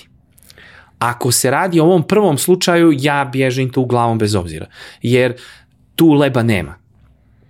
E, na kraju se taj odnos svede na Uncle Alberta iz Mučki during the war. Znaš, gdje ja pričam ljudi, ok, to što ste vi najveći i najbolji u univerzumu, ali je trenutno korona, situacija se promijenila zbog toga, toga, toga, toga i toga. Mi moramo sad nešto da promijenimo da bi vi idućeg mjeseca imali za plate. A odgovor je, e, znaš li ti kad smo mi 70-ih ovo otvorili, to je bio naj... A čovječe, nebitno je to, mislim, ja poštujem sve to, to je super, ali nismo mi ovdje sad da snimamo za HBO dokumentarac o tvom uspjehu, nego da pokušamo da nekako vi ljudi ne odu kući jer nemaju leba da jedu. Uh, ova druga stvar, kad je prava, e to je stvarno onda spektakl. I to je ova razlika koju si ti rekao, imam ja genijalnih klijenata, korporativnih, super uspješne priče ali iskreno, znaš, nikad ne može to da bude na onom nivou, što bi rekli, da te u srce pogodi kao neki srednji ili mali koji razumije priču, zajedno dolazite do nekog rešenja i vidiš u praksi da to što pričate, a opet naglašavamo u situaciju sa Jovanom i sa Helenom, ni ja ni on nismo uvijek sigurni da to što radimo će stvarno da da rezultat ali eksperimentišemo. Svaki dan probamo nešto novo, nešto ne uspije, nešto uspije i generalno čak za korporacije tokom krize koja evo i dalje traje, ubjedljivo najbolje su se pokazali klijenti koji su samostalno ili zajedno ako smo bili u nekom odnosu eksperimentisali prije krize. Kompanije koje su omogućavale recimo svojim zaposlenima da rade iz kuće Znači imaš pravo jednom mjesečno da radiš iz kuće. Sad, znaš, to se ne čini na 22, 3, 4 radna dana kao nešto mnogo, kao jedan dan mogu iz kuće. U praksi se je pokazalo ogromno. Ogromno s aspekta da su ljudi prvo već imali infrastrukturu s aspekta opreme. Znaš, meni se desilo sa ogromnim globalnim klijentom da u trenutku kad pandemija izbija, oni nemaju dovoljno laptopova da svi zaposleni mogu da rade iz kuće. Država naređuje da mora da se rade iz kuće, osim, znaš, ako nisi vodovod, struje ili tako nešto. Oni šalju ljude kući i jedan dobar dio ljudi sjedi kući skrštenih ruku jer nema na čemu da radi. Znaš, od takvih stvari preko potpunog nepoznavanja digitalnih alata, preko toga da njihov interni firewall ili VPN kasnije blokira razno razne digitalne alate, a na pitanje zbog čega recimo blokirate Dropbox ili uh, Google Docs ili zašto, odgovora najčešće nema, pa onda moramo da tražimo neke zamjene, ili ako kažemo ajde da kupimo neki korporativno rešenje, pa kao nemamo mi para za to, do najčešće onog dijela da, ok, imamo infrastrukturu, znamo alate, ali naša korporativna kultura nije na tom nivou da mi možemo da radimo udaljeno i da možemo da imamo rezultate. Mnogo se tu situacija desilo, nekih jako dobrih, jer tek kada dođeš u situaciju da moraš shvatiš da neke stvari mogu da se reše digitalno, što je ono, za, za posao super, a i za državnu birokratiju je još bolje. Znači, može bez da se fizički ode. Kako može? Veruj mi može. Znači, pošto nije opcija da se ode, sad da vidiš kako može i ovako. Ali je jako često bila ta situacija da prosto neke stvari ne mogu da se rade remote bez fizičkog kontakta. Mogu, kratkoročno, srednjeročno je problem, dugoročno je veliki problem. Jedna od najvećih stvari je upravo ta izgradnja korporativne kulture, kulture rada u timu i sve ostalo. Ja to često kažem, šta smo kao zaključili tokom ovog perioda kada su tehnološke kompanije u pitanju i rad na tehnološkim projektima.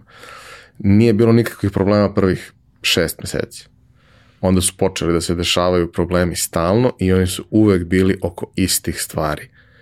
Fundamentalnih, komplikovanih stvari koje se rešavaju tako što nas dvojica sednemo na ručak i pričamo o tome. i onda posle sednemo za kompjuter i radimo. Ili odemo po kafu ili šta god i tokom toga pričamo i radimo taj deo problem solvinga kako ćemo nešto da... To sve teoretski može da se uradi i na Slacku i na Zoomu, ali, ali praktično ne može. Pa ne, nego prosto kao možeš ti i na Zoomu da doneseš ručak pa vi kao ručate na Zoomu, ali si, ti na radnom mestu ručaš. Ti inače to ne radiš tako, ti inače odeš u neku kantinu, kafić, nešto, izmestiš se, fokusiran si na tih dvoje, troje ljudi i tu klopu i to sve i vi tad jedno drugom kukate o tome šta je problem koji treba da rešite. Ovde to nije to. I drugo, znaš, ja sam recimo primetio to dosta često i ja lično ne volim ništa od tih alata, ni Zoom, ni Teams naročito, ovaj, ali dobro. Ne volim iz raznih razloga što ono, nemam naviku i dalje godinu i po dana kasnije da me kamera snima sve vreme, pa pravim grimase, što, što uživo ne bih radio. Ovaj, ali primetio sam koliko je ljudima izražena trauma od toga što su pred kamerom ceo dan. Naravno, ono kao, znaš, prvih tri meseca si u pidžami, sediš kući i nije bitno. Onda je gomila firmi rekla, ok, ne morate da palite kamere. Kad nisu upaljene kamere, ja ne znam da si ti tu. Nije, nije sporno, ugasiš je na dva minuta da završiš nešto pa se vratiš, ali kao, kad radimo, radio sam ja neke obuke i treninge, kao je, aj molim vas popalite kamere, ja se osjećam kao da pričam u crnu kutiju što mi nije nepoznat osjećaj, ali nije baš naročito prijatan. I onda kao niz nekih na izgled banalnih stvari koje treba da prevaziđeš, a kako ih prevazilaziš kada i onaj ko je decision maker dosta se teško prilagođava nečemu tako. Recimo, ja mogu ti navedem još jednu ili dvije, da kažem, dodatka za ovo. Uh, na sve ovo što si ti rekao imaš situaciju da posebno u ovom dijelu tehnoloških kompanija, zbog povećane potrebe za raznoraznim digitalnim transformacijama, si imao povećanu potrebu za zapošljavanjem ljudi. Gdje ti imaš onda situaciju da si zaposlio jedan dio, novo zaposlio jedan dio kolektiva, koji nikada do dana današnjeg nije vidio uživo ostale članove tima. A moraju da rade zajedno. E to je ova varijanta što ti kažeš gdje institucija kafane rešava to u sat vremena. Sve što ni Slack, ni Zoom, ni Teams nije da ne mogu, ali treba neuporedivo više, više vremena.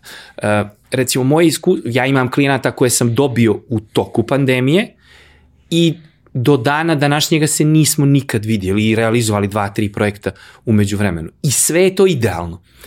Ali moj i njihov odnos nije ni blizu onog koji imam sa klijentima s kojima sam počeo prije pandemije. Uh, što se recimo predavanja, edukacije neke tiče, bude to sjajno. I sad na pitanje prošle sedmice kompanija je htjela da me angažuje i radili smo prije dvije godine nešto i sad hoće kao ponovo za drugu ciljnu grupu i menadžerka njihova me pita, kaže jesi li podjednako sjajan kao uživo? Pa rekao, potpuno iskreno, to nije niko na svijetu. Znači, ne postoji public speaker koji je isti sa nivou angažovanja, energije, zanimljivosti i svega kad te gledam na ekranu mobilnog telefona, tabletu ili te projektujemo na neko čudo iza i kad sam stvarno tu. Znači, ako ti kažem da, isti sam, lagao bi te. Nisam isti, lošije je to, naravno. Ali sad pitanje, jesam li od toga što može da se napravi digitalno, online, podjednako sjajan, to jesam. Ali razlika je u te dvije, te dvije kategorije. Šta si ti radeći u ovih više od godinu i po dana, šta si ti naučio novo od svojih klijenata, ljudi sa kojima si radio, šta su neke stvari kada si se ti zapitao i došao u situaciju da ne možeš da spavaš, ovaj, a nije zato što te neko iznervirao, nego zato što ti neko usadio nešto što, što te onda tera da razmišljaš. A, da, da razdvojim posao na, na, na dvije stvari, na ovaj dio, da kažem, edukacije i na ovaj dio konsultinga. Što se edukacije tiče, zahtijevalo je značajne promjene.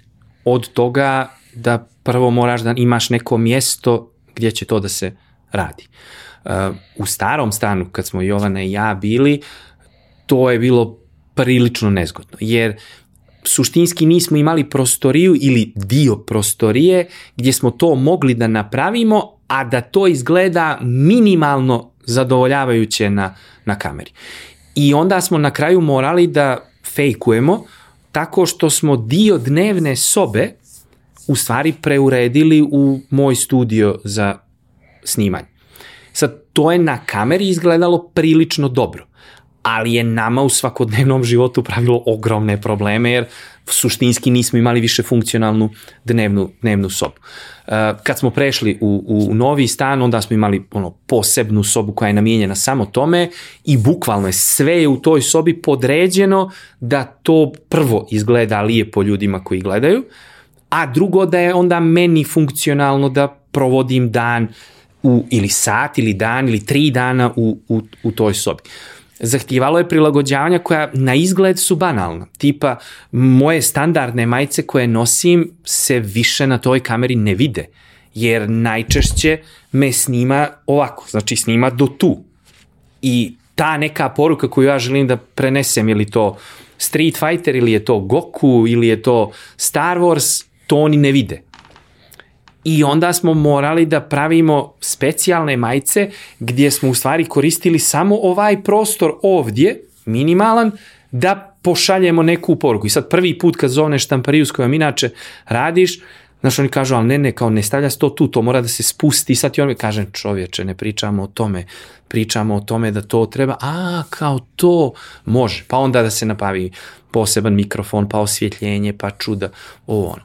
Onda moraš da, Znaš, kako poruke koje ti šalješ, koje vrlo često zavise od tvojeg govora tijela, od toga od tvoje energije koju prenosiš, od toga da li se primakneš nekom u publici da bi kao to boš nešto pitao, čestitao, e, postavio dilemu ili slično, što ništa ne postoji online.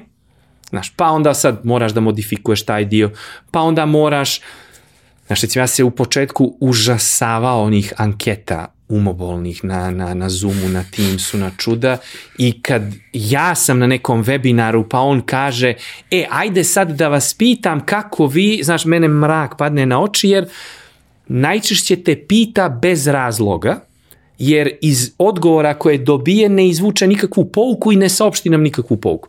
Nego kao ajde mi isklikamo kaže dobro ajmo sad nastavljamo dalje i nisam inicijalno koristio. A onda sam na dva uzastopna neke edukacije dobio ozbiljan feedback da kao nije bilo nikakvih pols anketa i kao voljeli bi to da vidimo u buduće. To to kao nije interaktivno. To.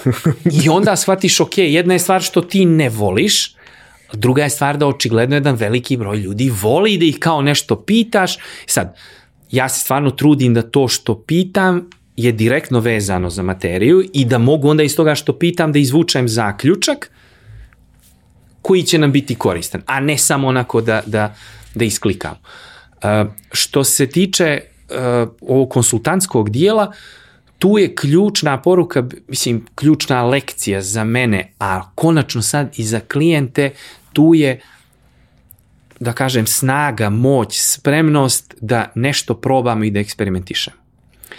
Jedna je stvar kad ja 5, 10, 15, 18 godina uporno pričam da treba da testiramo stvari na nekom maleckom uzorku, da probamo, da vidimo, da vježbamo i tako dalje.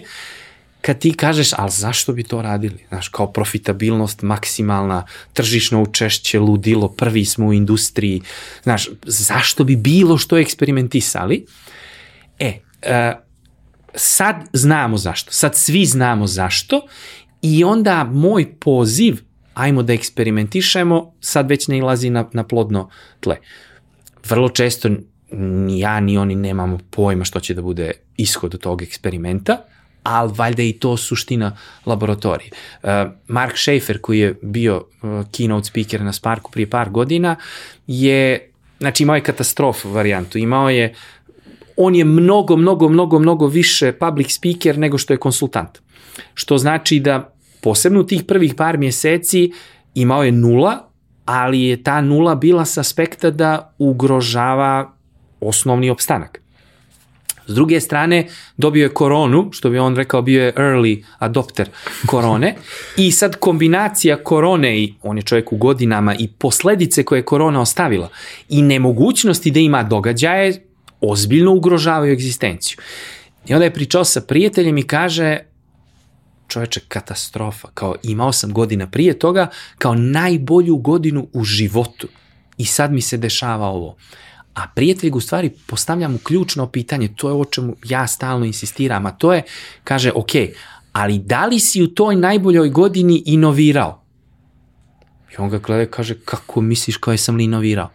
Pa kaže, ta najbolja godina i taj prihod koji si ostvario i ti klijenti koji si ostvario i te nove referencije i sve to, je li to posledica nečega što si imao od ranije, pa si istu prezentaciju govor odradio po 105. put, ili si u to godina je najbolja jer si uspio da dobiješ novog klijenta, potpuno novu prezentaciju, napisao novu knjigu, upoznao neke nove ljude, neki klijent tebi otvorio glavu, znaš, i on stane i kaže, pa ne, najbolja je u stvari bila zbog toga što sve to bio u stvari repeated success od nečega prije. E, to je ovo što sad koliko je loše je dobro, jer kad kažem klijentu, ajde da probamo nešto, ajde da inoviram, ajde da vidimo što će ovaj eksperiment da donese, nije više odgovor, pušti đavola, vidiš da smo najbolji, nema potrebe. Jedna od stvari koje, koje ti na, na svojim predavanjima koristiš je da uh, challenge-uješ, odnosno dovodiš u pitanje to kada ljudi kažu da nešto ne može i da to nešto ne može u nekoj industriji, tako što nađeš primere iz te ili srodnih industrija kako neko nešto može. To ne znači da je to takvo identično moguće na drugom mestu, na drugi način, ali ostavlja mogućnost da je izvodljivo i da može da se desi i da možda u nekom modalitetu sa nekim izmenama može da se desi i tu gde oni rade sa tim što rade uz neke adaptacije. Um, pošto sam slušao tvoj masterclass i bio u prvom redu i onako smeško ti se i tako dalje, to sve je bilo jako simpatično i, i lepo i svi su jako dobro reagovali upravo zato što ti sjajno pričaš, taj deo nije spora, kogod slušao emisiju to zna, ali uh, ljudi se ipak najbolje asociraju kroz primere, a naročito se dobro asociraju kroz primere nečega što im je blisko. Jer ti kada kažeš, pa, to ne može da se napravi, ali evo Apple može. Pa dobro, ali mislim Apple nije, nije baš uobičajen primer nečega što može da se primeni na bilo koga drugog na ovoj planeti osim na njih ili za bilo kog drugog zaista velikog igrača. Gde nalaziš ti te male zanimljive primere koje koristiš, na koji način se ti informišeš, gde istražuješ, prosto uh, jedan deo tvog posla, veliki deo tvog posla je da ti izbacuješ iz sebe neke stvari i daješ ljudima, ali moraš prvo sebe napuniti nečem. Prvo ovaj storytelling dio koji si pomenuo, to je apsolutno zasluga moga ujaka.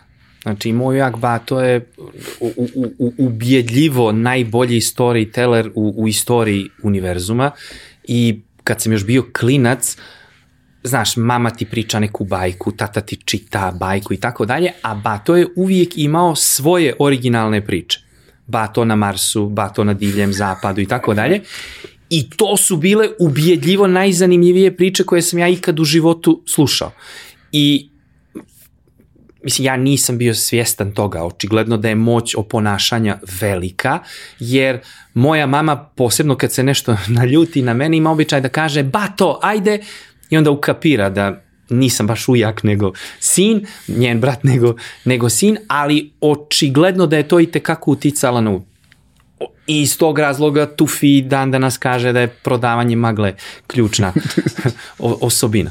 E, sad ovaj drugi dio, e, ti si propustio da, da kad si rekao nije moguće, da, da citiraš Duleta i i da, da kažeš da, naravno, da realnost nije briga na koju se obaziram.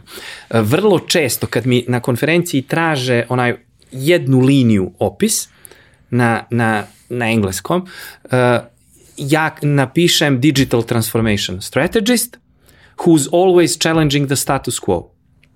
Znači, strateg oblasti digitalne transformacije koji se nikad ne miri i uvijek izaziva status quo. I jedina stvar koju nikad nigdje ne, ne, ne prihvatam je neargumentovano to ne može ili još gore to ovdje ne može. E sad dolazimo do tvog ključnog pitanja, to je kako se ja hranim. E, ogroman je proces. Znači, ogroman je proces toliko da ponekad ni ja nisam svjestan koliko to dugo traje i koliko ja nebrojeno mnogo sati, dana, godina odvajam za to, dok jednom nisam, znaš, i ponekad mi čak i ljudi oko sebe, i Jovane i mama kažu kao, pa jel moraš opet to da čitaš? Pa kao, jel moraš po stoti put da probaš prezentaciju koju si već sto puta izveo za klijenta? I, znaš, nekad se zapitam ja, ček, pa možda pretjerujem, e onda prije par godina vidim da recimo kad je Seinfeld, htio da ima novu rutinu, odnosno da budem precizan, da u svoj postojeći stand-up nastup doda 3 minuta novog nastupa. Dakle, to nije novi nastup. To je postojeći nastup u kojem inovira 3 minuta sam. Za ta 3 minuta on je proveo 6 mjeseci na turneji po Americi, po raznoraznim barovima, kafanama, pozorištima i čudima gdje je nastupao i testirao milion malih, znači novu foru, novu promjenu skeča i tako dalje, dobijao feedback od ljudi da bi za šest mjeseci uspio da ima ta tri nova minuta. E, onda i meni malo, pos, da kažem, postalo jasnije zašto ja toliko vremena ulažem. E, navika koju imam još od kad sam bio klinac, a to je da kad god nađem nešto što je zanimljivo, tada sam to radio tako što sam ili izrežem iz novine, iz časopisa i fizički ostavim, a kasnije fotografišem, danas već je sve dostupno u elektronskom formatu. Tako da ono kao neka verzija hrčka na steroidima, ali bukvalno kad god nešto čujem ili vidim ili pročitam ili mi se desi, ja na neki način dokumentujem.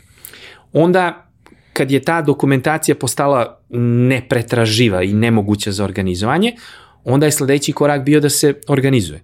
Dakle, je li ovo oblast organizacioni ponašanje, je li ovo oblast digitalna transformacija, jesu li ovo start-upovi, je li ovo dizajn.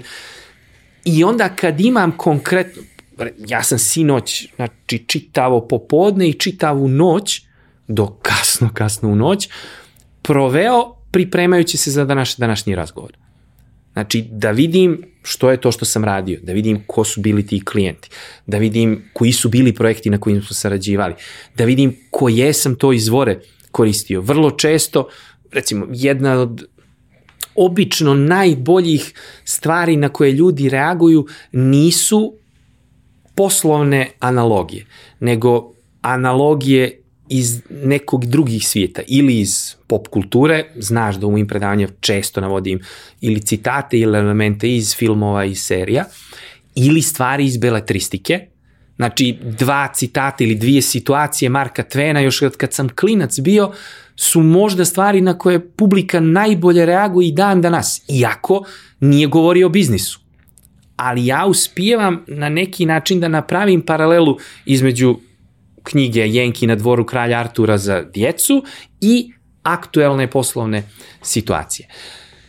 I često me, su me ljudi pitali, pa dobro, ali što je to što ti sad radiš? I sad pokušava da objasnim, onda kaže, pa dobro, to rade i drugi ljudi, pa kao zašto si ti dobar, a onaj nije, znaš. I nisam uspijevao da nađem pravu definiciju, dok nisam pročitao da postoji koncept koji se zove sense making. Uh, odnosno, tvoja sposobnost da nađeš smisao u svemu što se dešava.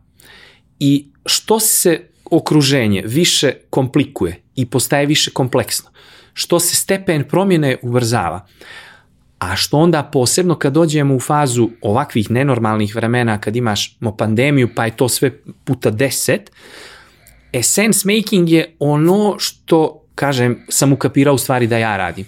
Da nekako prikupljaš sve te informacije, sve te trendove iz milion različitih izvora i uspijevaš onda da ih staviš u neki kontekst, a onda, zahvaljujući onom prodavanju magle, to uspiješ da preneseš ljudima na neki način koji će njima da bude razumljiv, da bude prijemčiv, da shvate da se to odnosi na njih i da bude dovoljno inspirativan da ih podstakne na akciju, na pozitivno djelovanje.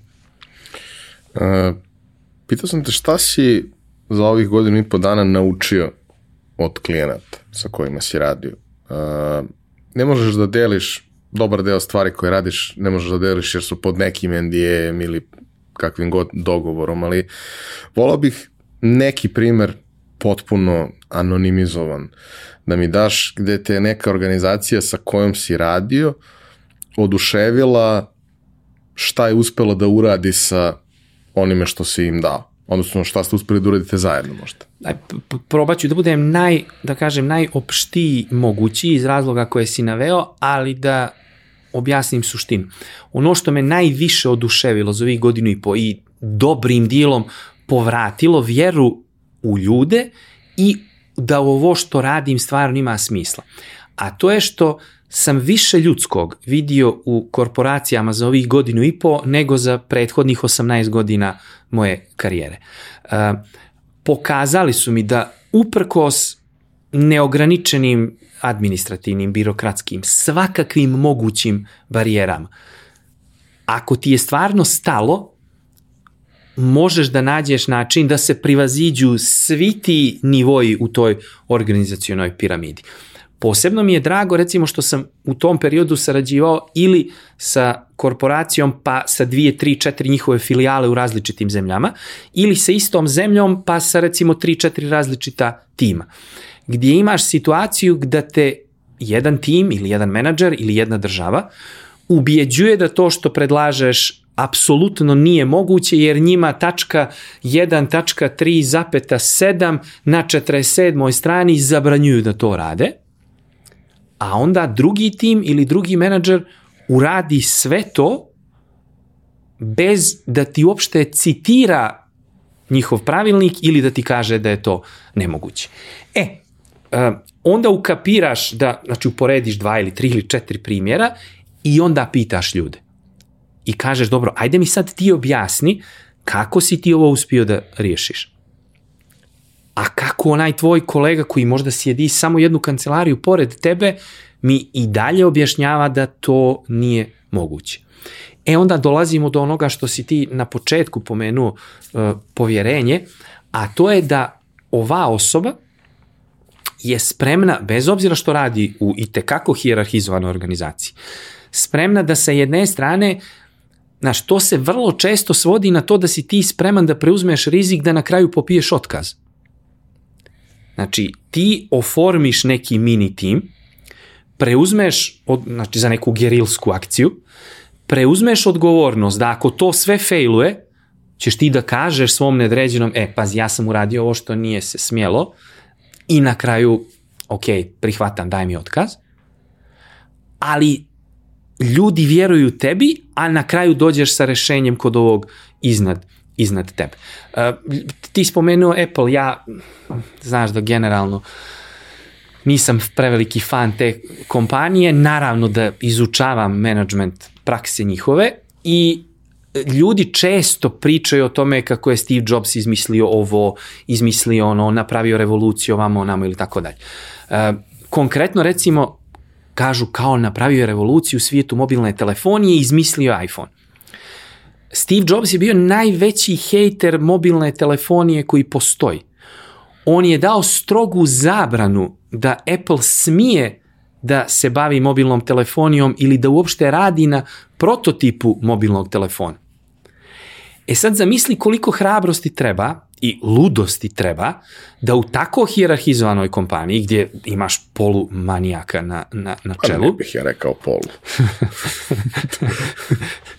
E, imaš tim koji odluči da uloži pola godine, potpuno tajno, dakle pola godine vremena, da dođe do prototipa mobilnog telefona i da onda dođu da mu ga predstave.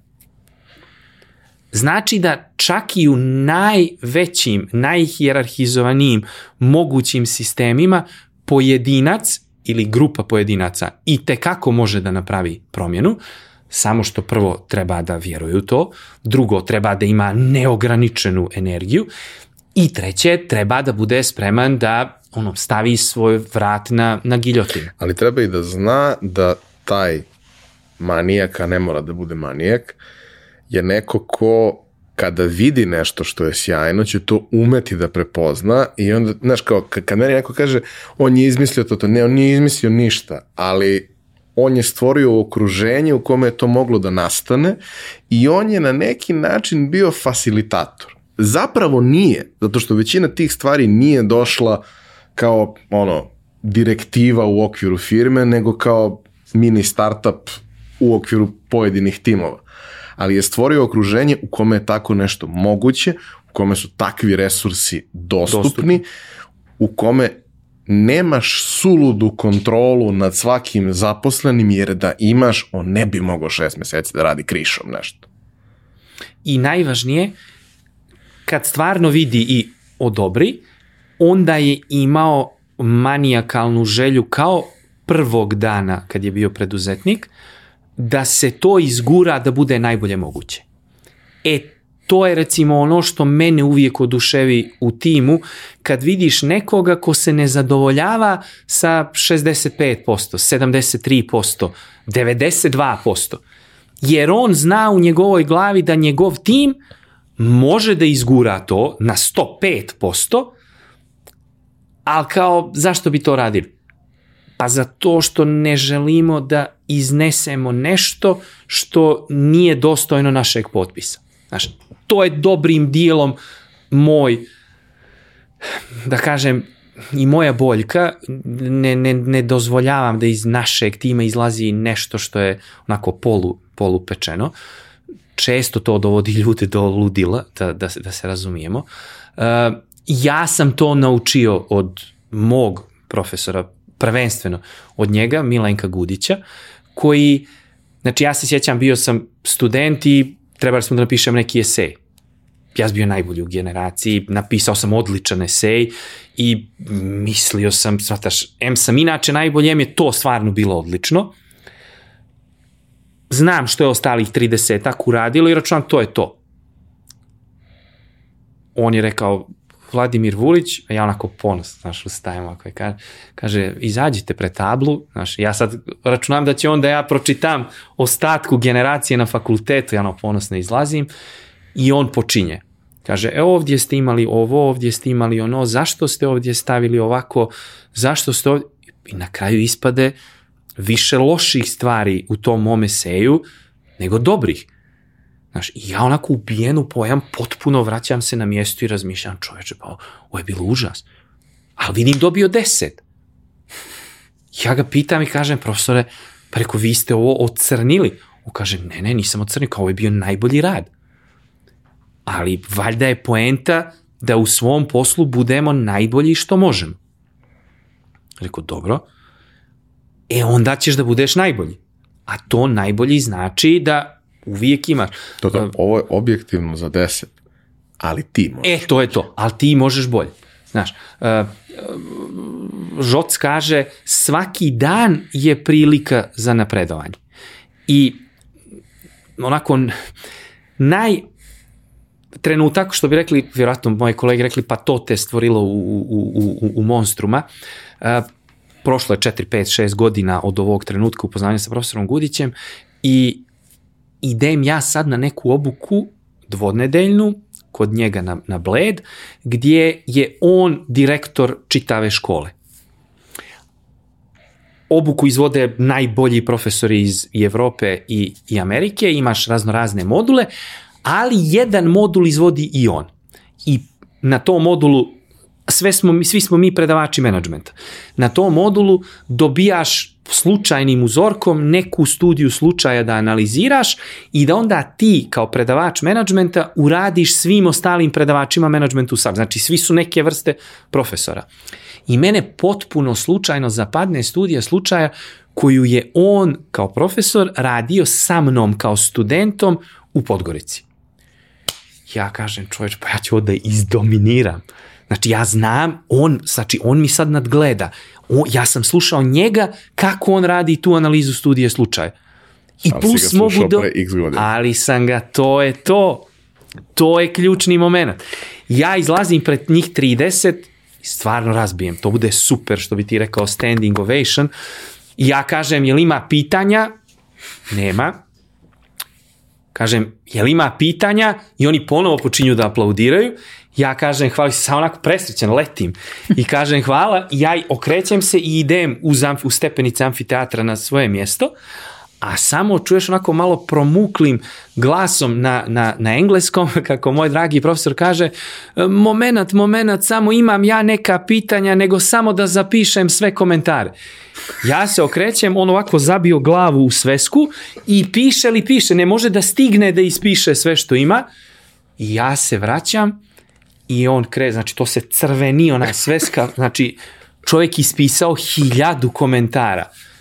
I ti onda kapiraš da, znaš, nije isto danas i prije pet godina, nije, prvo nije ni on isti prije pet godina, a tek nije Vanje isti prije pet godina, njegova očekivanja od mene danas i tada su neuporediva. To što je tada bio moj vrhunac, danas vjerovatno nije ni za šest, i onda kažem ti, to je jedan od ono, prelomnih trenutaka u karijeri kad sam ja naučio da prvenstveno od sebe, a bogom i onda i od članova tima, uvijek zahtijevam više. Uliću, treba da ostavimo nešto i za treću epizodu. Da Vjerojatno će opet da bude neka jubilar. Hvala ti puno što, što smo pričali o svemu ovome. Mislim da smo dali ljudima dosta razloga da ih boli glava. Ovaj, ja nadam se da smo dali nekim um, decision makerima u nekim kompanijama ideju kako treba da postupaju sa ljudima koje angažuju ili kao predavače ili kao konsultante i zašto možda nije loše da izaberu jednog mladog gospodina iz, iz Podgorice, a ta, ta šala na račun tvoje mladosti takođe može se čuju u prošloj epizodi koju imate u opisu. A siguran sam da će biti i u sledećem. Pa ja, ja sam rekao prošli put, znači to je bilo pre dve godine, ti si tad Ovaj, tad si imao 27. Jeste, tad si se dogovorio bio sa, sa, sa Jovanom i ja sam je tad rekao, ako ostari do sledeći put kad ga budem video, znaću da mu jedeš džigericu. I vidimo da nisi, tako da očigledno to nije bio loš izbor. Za nju nije bio sigurno, ali gleda da nije bio loš ni za tebe. Uh, hvala ti. Hvala ti što si izdvojio vreme u celom ovom haosu da dođeš ovde da ti i ja malo pričamo. Hvala vama što ste nas slušali i gledali, nadam se da vam je bilo zanimljivo, mislim kako da vam ne bude zanimljivo, slušali ste njega. Mene trpite pa trpite šta da vam radim. Ovaj, to bi bilo to za, za ovaj put. Uh, čujemo se i vidimo ponovo sledeće nedelje.